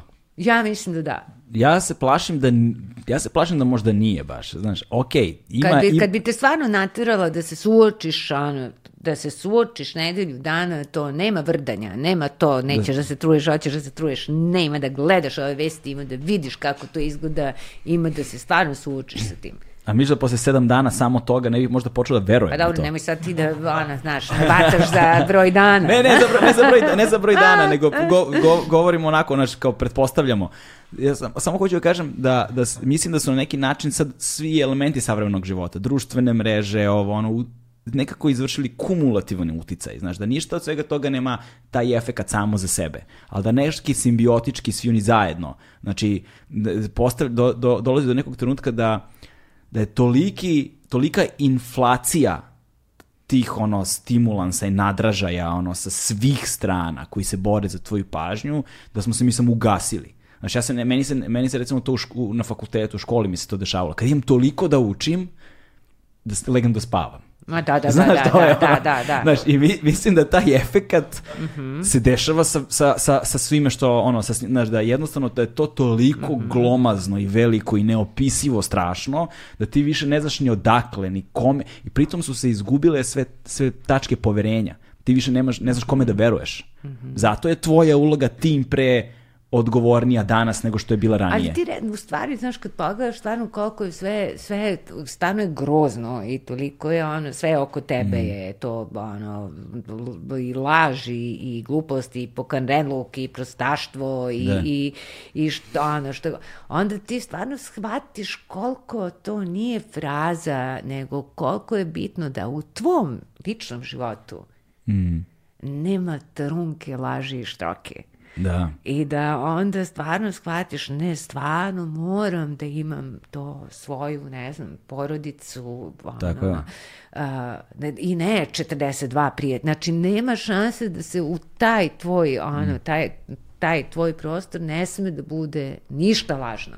Mm. Ne sme da bude lažni prijatelj, nema, mm. ne, ne, ne, nema to, znači moraš, ne, to sve je toliko grozno, da, da. ti moraš stvarno, i, i toliko bolj, mislim, postaješ svestan koliko moraš da neguješ čoveče kao to zašto si se da. izborio za neku, ono, Evo, ženu, dete, svesni? ono, daj kao to da čuvamo i onda nekako možeš da se suočiš ponovo sa đubretom. Da, e, ali što sam svesni, sve mi teže nekako da održavam, jer, sam, jer postajem sve svesniji koliko je teško održati. Znači, ja sada provodim, ne znam, nebrojeno mnogo vremena na terapijama sa svojom terapeutkinjom, pokušavajući ne više da napadam probleme sa strane, mm -hmm. nego da čuvam ono što imam, znaš, od, mm -hmm. od, od, od, od tih uticaja, kao kako da prepoznaš, kako da uh, da sačuvaš, kako da stvoriš odnos prema dobrim i lošim stvarima i, konst, i opet se vraćamo na to, da smo mi ti koji se stalno sumnjimo i preispitujemo. Ali, pazi, ja sam Znaš, kao da na njihovoj da strani... Da kao to, to nedelja, znaš, pa sad je, sad je kao to, to spremanje i to čitanje i ovo i ono, kao, uh, uh, samo sam, to sam shvatila juče da nisam ni registrovao, ja ne znam kada je to počelo, pa počelo je to sigurno kao pre, ono, ne znam, pola godine. Uh, a, ja se sad spremam u krevetu, ali pod jorganom. Pazi, juče je bilo 28 stepeni. Ne. Znači, i samo kao juče kad sam to zatvorila, spustila roletne, upalila svetlo kao ovo. Da, da. Kao što smo mi sad zatmračili. U jedan da. to i, i, i stavila jorgan, sam samo bilo, hu, dobro je. Ne. I onda sam otkrila da u stvari nisam ni primetila kad je to počelo, da ja da bi se spremala i koncentrisala, ja moram da se ugrejem. Čovječe, da. meni je hladno od to, u stvari od užasa koji da ja da bi sad ona stvarno slušala to intervju sa Nestorovićem, ja stvarno moram sebe mnogo dobro da ušuškam da bi izdržala tu, tu glupost. Da. Da, znači, da. mora da ti bude toplo. Ja, mora, mora da ti bude toplo kod duše, znaš, da bi ono mogao da uđeš u toliku hladnoću, u smi, led od besmisla koji, da. u koji se To je sad ima tu jako puno simboliki i da se ušuškaš i da se mm -hmm. zatvoriš i da se zaštitiš i da mm -hmm. ovo, znaš, se ugreš i da sad kad bi neki analitičar seo, da, psihoanalitičar da, da. i kao zašto i isto tako vrlo često, znaš, meni se dešavalo da mi tuširanje nekad pomogne posle takve stvari, znaš, kao uletiš u neki haos sve što hoću jeste da operem dan sa sebe. Mm -hmm. Znaš, i da to bude ono, tada, su, tada je ono, tada, tada ako ima kadu, ono, ono si jao kada, da mogu da napunim, da legam, da se udavim u njoj ako može. Znaš, samo da ne pos... Da, da, da, da, da si... ja ponedeljkom jedem, znaš, da. ali, ali to je, to je potpuno nevjerovatno. I onda sam kao, čekaj, kao, šta znači ovo? Kao, uh, jedem i, i uh, trnu mi noge. Uje, da. Što je isto grozno, zato što je ono kao, um, kao ponedeljak, super, sad ćemo, kao, ne znam, da gledamo film. Ne. I kao, ne može, zato što trnu noge, kao, i, sad, i, i to sam bukvalno, i to se sećam i na bazenu, kao kad odem ponedeljkom, znači moram tri puta da dobijem grči. Sad zamisli koji je to stres koga si ti potpuno nesvestan, mm. u kome si ti bio u stvari intenzivno od petka, od montaže da. do, ono, do nedelje, do tebi ceo organizam tog, ono, imaš to sta, ono, cirkulacija više ne funkcioniše, onda odjednom shvatim kao, zašto ja ponedjeljak ceo dan jedem, kao nenormalno, a onda shvatim kao, pa zato što ja od petka nisam jela, da. ali to je tako već godinama, kao, jer kao ja nemam sad vremena mm. to da, da se pozabavim time. A i nešto mi se čini da ne može čovjek da, da, ovaj, da dobro radi punog stomaka. da, tako je, tako Znaš, je. Gledam, tako je. Jesi provalio to kao, to, to razni, pa kao i predsjednik, znaš, tačno vidiš kad je jeo ćevape malo. Da, da, da, Znaš, da, da, kad da, mu da. se otme onaj mali Da, da, da, da, da, da, to, to, to, to, to. Jeste, apsolutno, apsolutno tačno, ovaj, ali s druge strane, znaš kao, uh, uh, da li se pitaš dokle? Tako, zna, zato što nekako, evo, uh, imamo, ra- radiš emisiju tri, punih 30 godina, punih 30 godina ima, a? Pa ima punih 30, znači de- 91. je krenulo, sad I to u martu, sad tako? je, uh, ne u septembru. septembru, da. Ali, ali je bilo tih 30, tako ne bismo računali ove pauze. Da, da, da, da, da. imamo ovih pet koje nismo radili, pa tamo ima neke dve, pa tamo ima ne znam šta, tako da verovatno je, na primjer, 25 da emisija to Da, to. Traje. E, ovaj, I kad posmatraš ceo taj sad period unazad, a, svi su akteri manje više i dalje isti. Znaš, svi su akteri manje više i dalje isti, ali si ih ti menj, posmatrala kroz vreme kako menjaju ruho. Znaš, kako je izgledalo posmatranje transformacije, ne znam, ljudi, ono, evo, na primjer, Aleksandar Vučić iz onoga što je bio u ono što je danas. Znaš, i da li je negde zapravo sve vreme, kad posmatraš sad unazad, bilo podcrtano to Da, ja mislim sad kad gledaš da on je uvek bio ovo i on je za ovim čeznuo. Znaš, ja sad kad se setim kao svih tih, on je bukvalno, za, zato je on nepobediv, znaš, zato što a, a, je ovo do te mere, sve što se njemu desilo u životu, do te mere odudarno od e, njegove e, ono, mape i prirodne sudbine. Čak, Da. to je čist humor, zamisli sad stvarno da tamo kao je neko bio u fazonu, neko od tih drugara, da taj stvarno mali to Mm.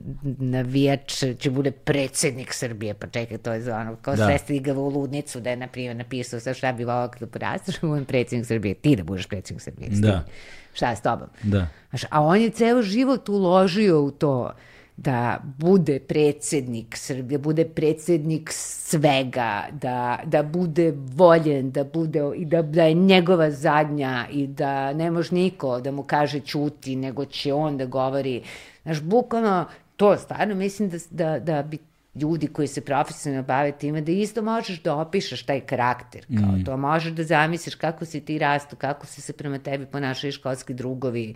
Uh, otkud ti tolika želja, čoveče, da, da si tako, ono, ja, ja, ja, kad sam ja i hoću još i hoću još. Znaš, sad kad se setim kao to, si stalno je bilo, znaš, setim se kad, kad sam ga zvala nešto na, b- ono, te, neka, ne, b- ono, tek su krenuli mobilni telefoni, Da, on je da. tad bio direktor d, Pinkija ili nešto. O, Sećaš se jao, što taj da, to su, da, da, da, da, da. I onda sam ja pitala, uh, kao, ta- a, a njegova prva žena je radila u studiju B sa nama, ja sam pitala nju to, da mi da njegov telefon, kao neki, kao na koji mogu da ga dobijem. I onda sam mi rekla, pitala sam kao je imao, je imao neki mobilni, da sad ne zovem to centralu Pinkija, pa ne znam Da, da, da. šta, E, a ona mi je rekla to nije ono tih što imaju mobilni, kao to dobro, okej. I onda sam ga ja pozvala, i to na taj stabilni neki to Pinkiju i on se, i, bi- i bio je užasno ljubazan i Da, kao da. Čekaj, sve. Pink ili Pionir? Ne, ono u Zemunu. U Zemunu, Pinky, da, Da. da, da. Uh, da sve je kao Bog zna kako i kako da ne i kao doći će u emisiju i da bi pokazao koliko je, znači on je uvek radio na tu foru kao, e, znači to, znaš, ja, da, ja, ja znam da me mrzite, uvek koristio te potpuno ono, preuveličene, on, što bi ja tebe mrzela, što bi bilo koga na svetu mrzela. Ja znam da me vi mrzite, ali ja vas poštujem. Na stalno je nešto kao na to, Da, samo da, da. sažaljenje, te vato i nešto. I kao sada mi se pokaže kao koliko je on ljubazan. Uh, I molim vas zapišite broj mojeg mobilnog da se ne zamarate.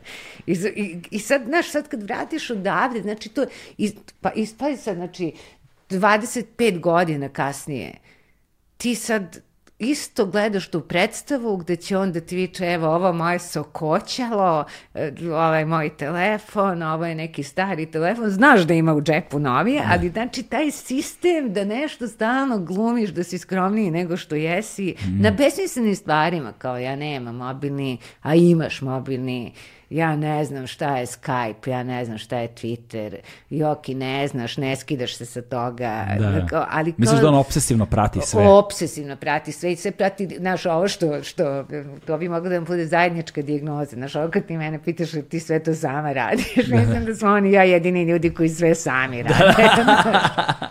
kao mislim da ono što ne pre, prepušta slučaju da mu neko da, ono, da. nešto propusti, da mu prepriča što je njemu bitno, šta je ko rekao njemu i kad je to bilo. Da, ipak postoji ali, tačka Ali stvarno to, ono, bukvalno to, ono, i sećam se toga, ne znam, to je bilo pre to sam htela da kažem, znači njega ne mogu ovi da dostignu zato što se nisu toliko bavili time i želeli to da budu i stvarno toliko učeni, napredovali i rovarili i, i toga se sećam pre 15 godina i ne znam koliko, pa sad ne znam, kod mene gostuje Sonja Licht ili da, da. Vesna Pešić ili ne znam. I onda se završi emisija i kao sad njima zvoni telefon, neko je od njih i kao sam to gledaju i onda završi kao to nešto kao to, pa hvala, hvala. Onda ovako stanu blede i kao ja ne mogu da verujem ko me zvao. kao, kao, kao, kao se zvao? Aleksandar Vučić. Znači, on je tu strategiju osvajanja te kao druge Srbije, znači ne. on je uredno telefonirao tim ono, predstavnicama tog nekog sveta koji nisu tad imali nikakav veze sa tim tekstom, ja znam koliko vi mene mrzite, Da. I znam da ovo ne znam šta, ali moram da vam čestitam, ovo je zaista večeras bio. Znači, on je rovario i pridobio ljude, znaš, i mi ljudi, ono, mi smo svi, znaš, kad ti on kaže, ja te poznam koliko ti mene mrziš, ali ja tebe poštujem, malo si pa nije, ono, nije, nije loš ovaj čar. Da, da. Ima nešto ne vidi kako je fina. Ako ti tri put kaže da si super pametna, pa dobro, kao, ono, znaš, nije, nije to loše. Tako da on stvarno te strategije radio mnogo, mnogo dugo i uporno i, i ne bi on to puštao tako rad. Da, pa tek. tu je problem sa tom politikom na taj način, posebno sa današnjom politikom, jer ti ulazeći, ulazeći u nju znaš šta te čeka i na šta moraš da budeš kao osoba spremna. Ovaj, I mislim da je to problem sa dobrim ljudima. Dobri ljudi po definiciji negde, šta god da je definicija dobrog čoveka, da ne ulazimo u to, mislim da ne bi ulazili uopšte u politiku, šta će im to, to si samara, šta će, šta, će im, šta će im to u životu, a i negde je razgovarao sam sa prijateljem jednim koji je direktor marketinga neke velike korporacije i kaže on meni,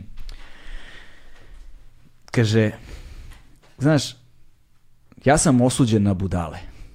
znaš, zato što kada radiš u firmi jako dugo koja, zarađu, koja ima dosta love, znaš, i onda ti dolaze ljudi za sponzorstvo, oni koji tebe proganjaju i zovu te i, te, dolaze, i zakazaju sastanke i donose prezentacije i ovo. To su uglavnom, kaže, budale, razumeš, na koje si ti osuđen da trošiš jako puno vremena na njih, jer dobri ljudi neće da te zovu, njima je to bez veze. Mhm. Razumeš? I onda mhm. ko ti okupira to vreme? Oni. Ne, a onda ja moram sve njih nekako da se potrošim na njih i da ostavim malo energije da mi onda tražimo ko su dobri ljudi, jer mhm. dobrim ljudima je to ispod časti, bez veze ime. Pozvaćete možda jednom ako nešto nisi zauzet, reći ćete i ono, ne znam, javi se kad budeš teo i doviđenja, znaš.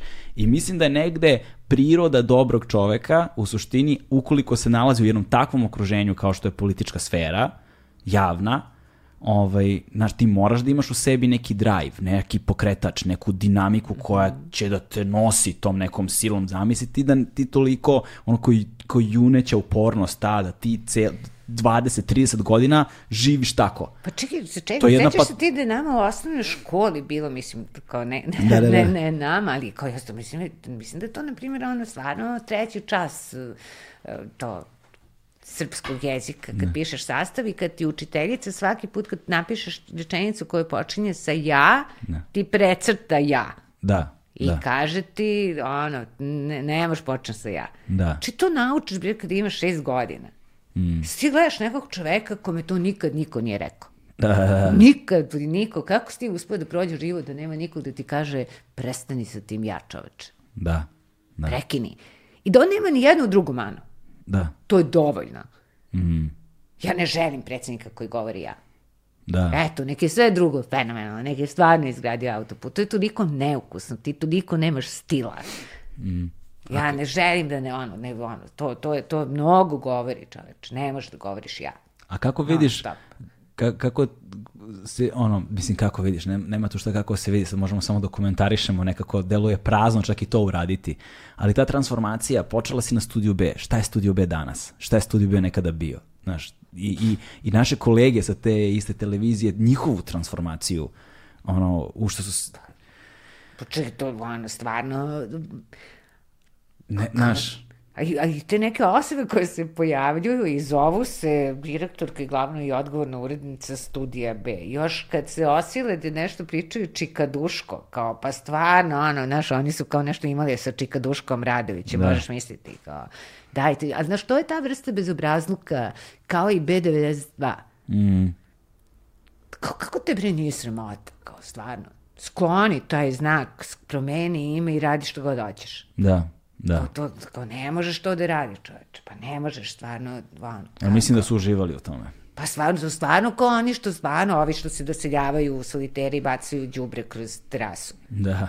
Kao ne možeš čoveče, kao to bacaj đubre, ano, a ne možeš ti sad, o, to je stvarno, znači u studiju B se to desilo. Mm. Znači ušli su ljudi u Beograđanku na 23. sprati, to sad gledamo kako bacaju đubre kroz prozor. Da. Jer niko nikad nije, re- jedva su dočekali. Da, da, to je nek... Kao, što volim da gledam kad leti đubre. Da. I svi se okupi, kao. Ka, ovaj, I, znaš, to nas sad dovodi uh, nekako, znaš, do kraja razgovora u kojem neka, nekako bih volio da ne završimo tako sumorno, ali ne znam zaista čime da završimo, a da ne bude sumorno. Ovaj, a, a, a, op- zadat, ne zadatak, ali uloga, dugo sam razmišljao ovaj, da te pozovem a, i nekako uvek postoji nešto aktuelno, ja bih nekako da izbegnem aktuelno, ali, znaš, stvari o, s- se odnose prema nama i stvarnost tako da na kraju sam shvatio da mi je važno zato što želim negde da, da, da, da žel- želim negde da ono delim prostor sa ljudima za koje mislim da su strahovito važni u ovom trenutku, posebno danas. Znaš, ja sam bio dete kada sam gledao tebe na TV-u. Znaš, 92. 93. ja sam imao jeda, 10, 11 godina. Znaš, ovaj, niti sam razumeo puno toga, ovaj, ali mi je bilo jasno, znaš, nekako ti si, ti, znaš, tvoja prisutnost u našem domaćinstvu je bila na, normalna, normalna stvar, ono, Ovaj, I tolike godine su prošle i sećam se, baš sam negde pominjao, uh, ja sam bio klinac kada sam prvi put izašao na ulice da šetam, znaš, i onda mi se desilo prošle godine da sam izašao na proteste sa svojim čerkom, znaš, da, znači da, znaš, generacije su otišle do đavola.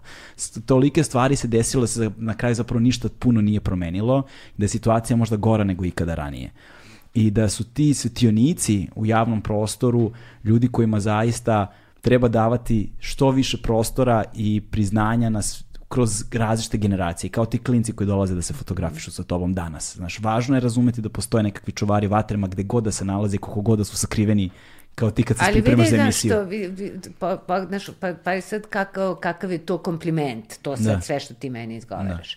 I sad da ja nisam uradila ništa spektakularno, Mm. da, kao kad te neko pita šta si ti uradio u životu, pa evo to sam uradila u životu, Da. da sad neki klinac koji je imao 10 godina kad me Mm. je gledao, koji, da sad mi pričamo 25 godina kasnije, Da. da je taj klinac isto napravio neki ozbiljno ono, dobar posao, a da uh, to prosto uh, te ja nisam izneverila. Da, da. I to je potpuno dovoljno.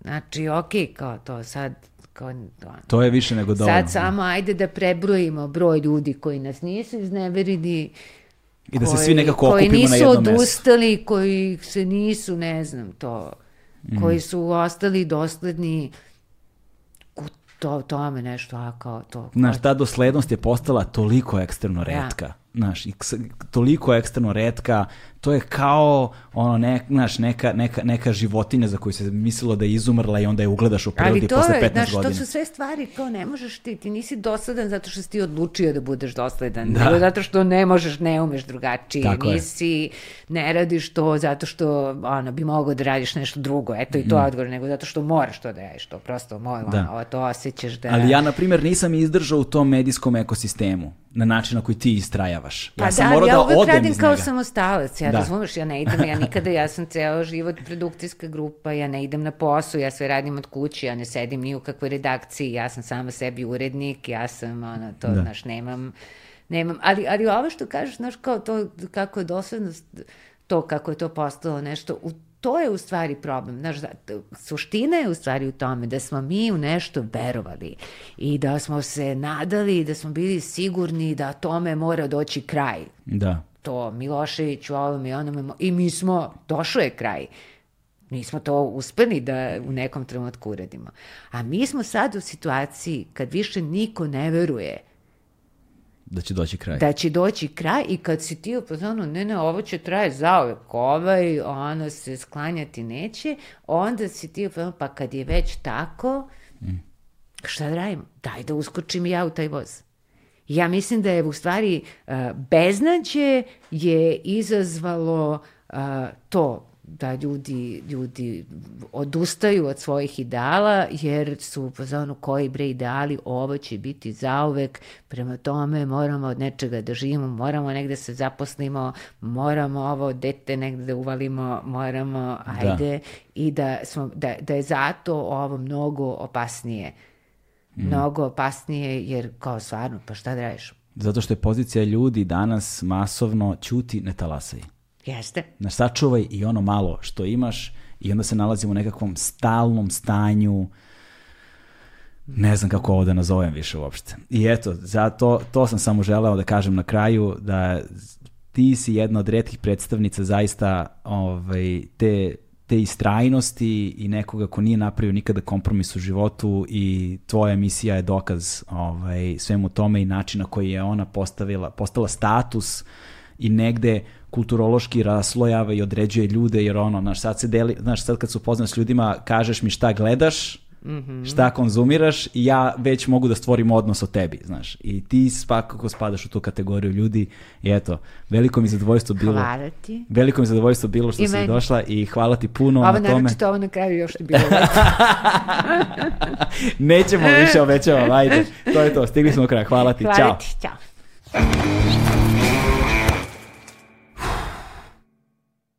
Hmm.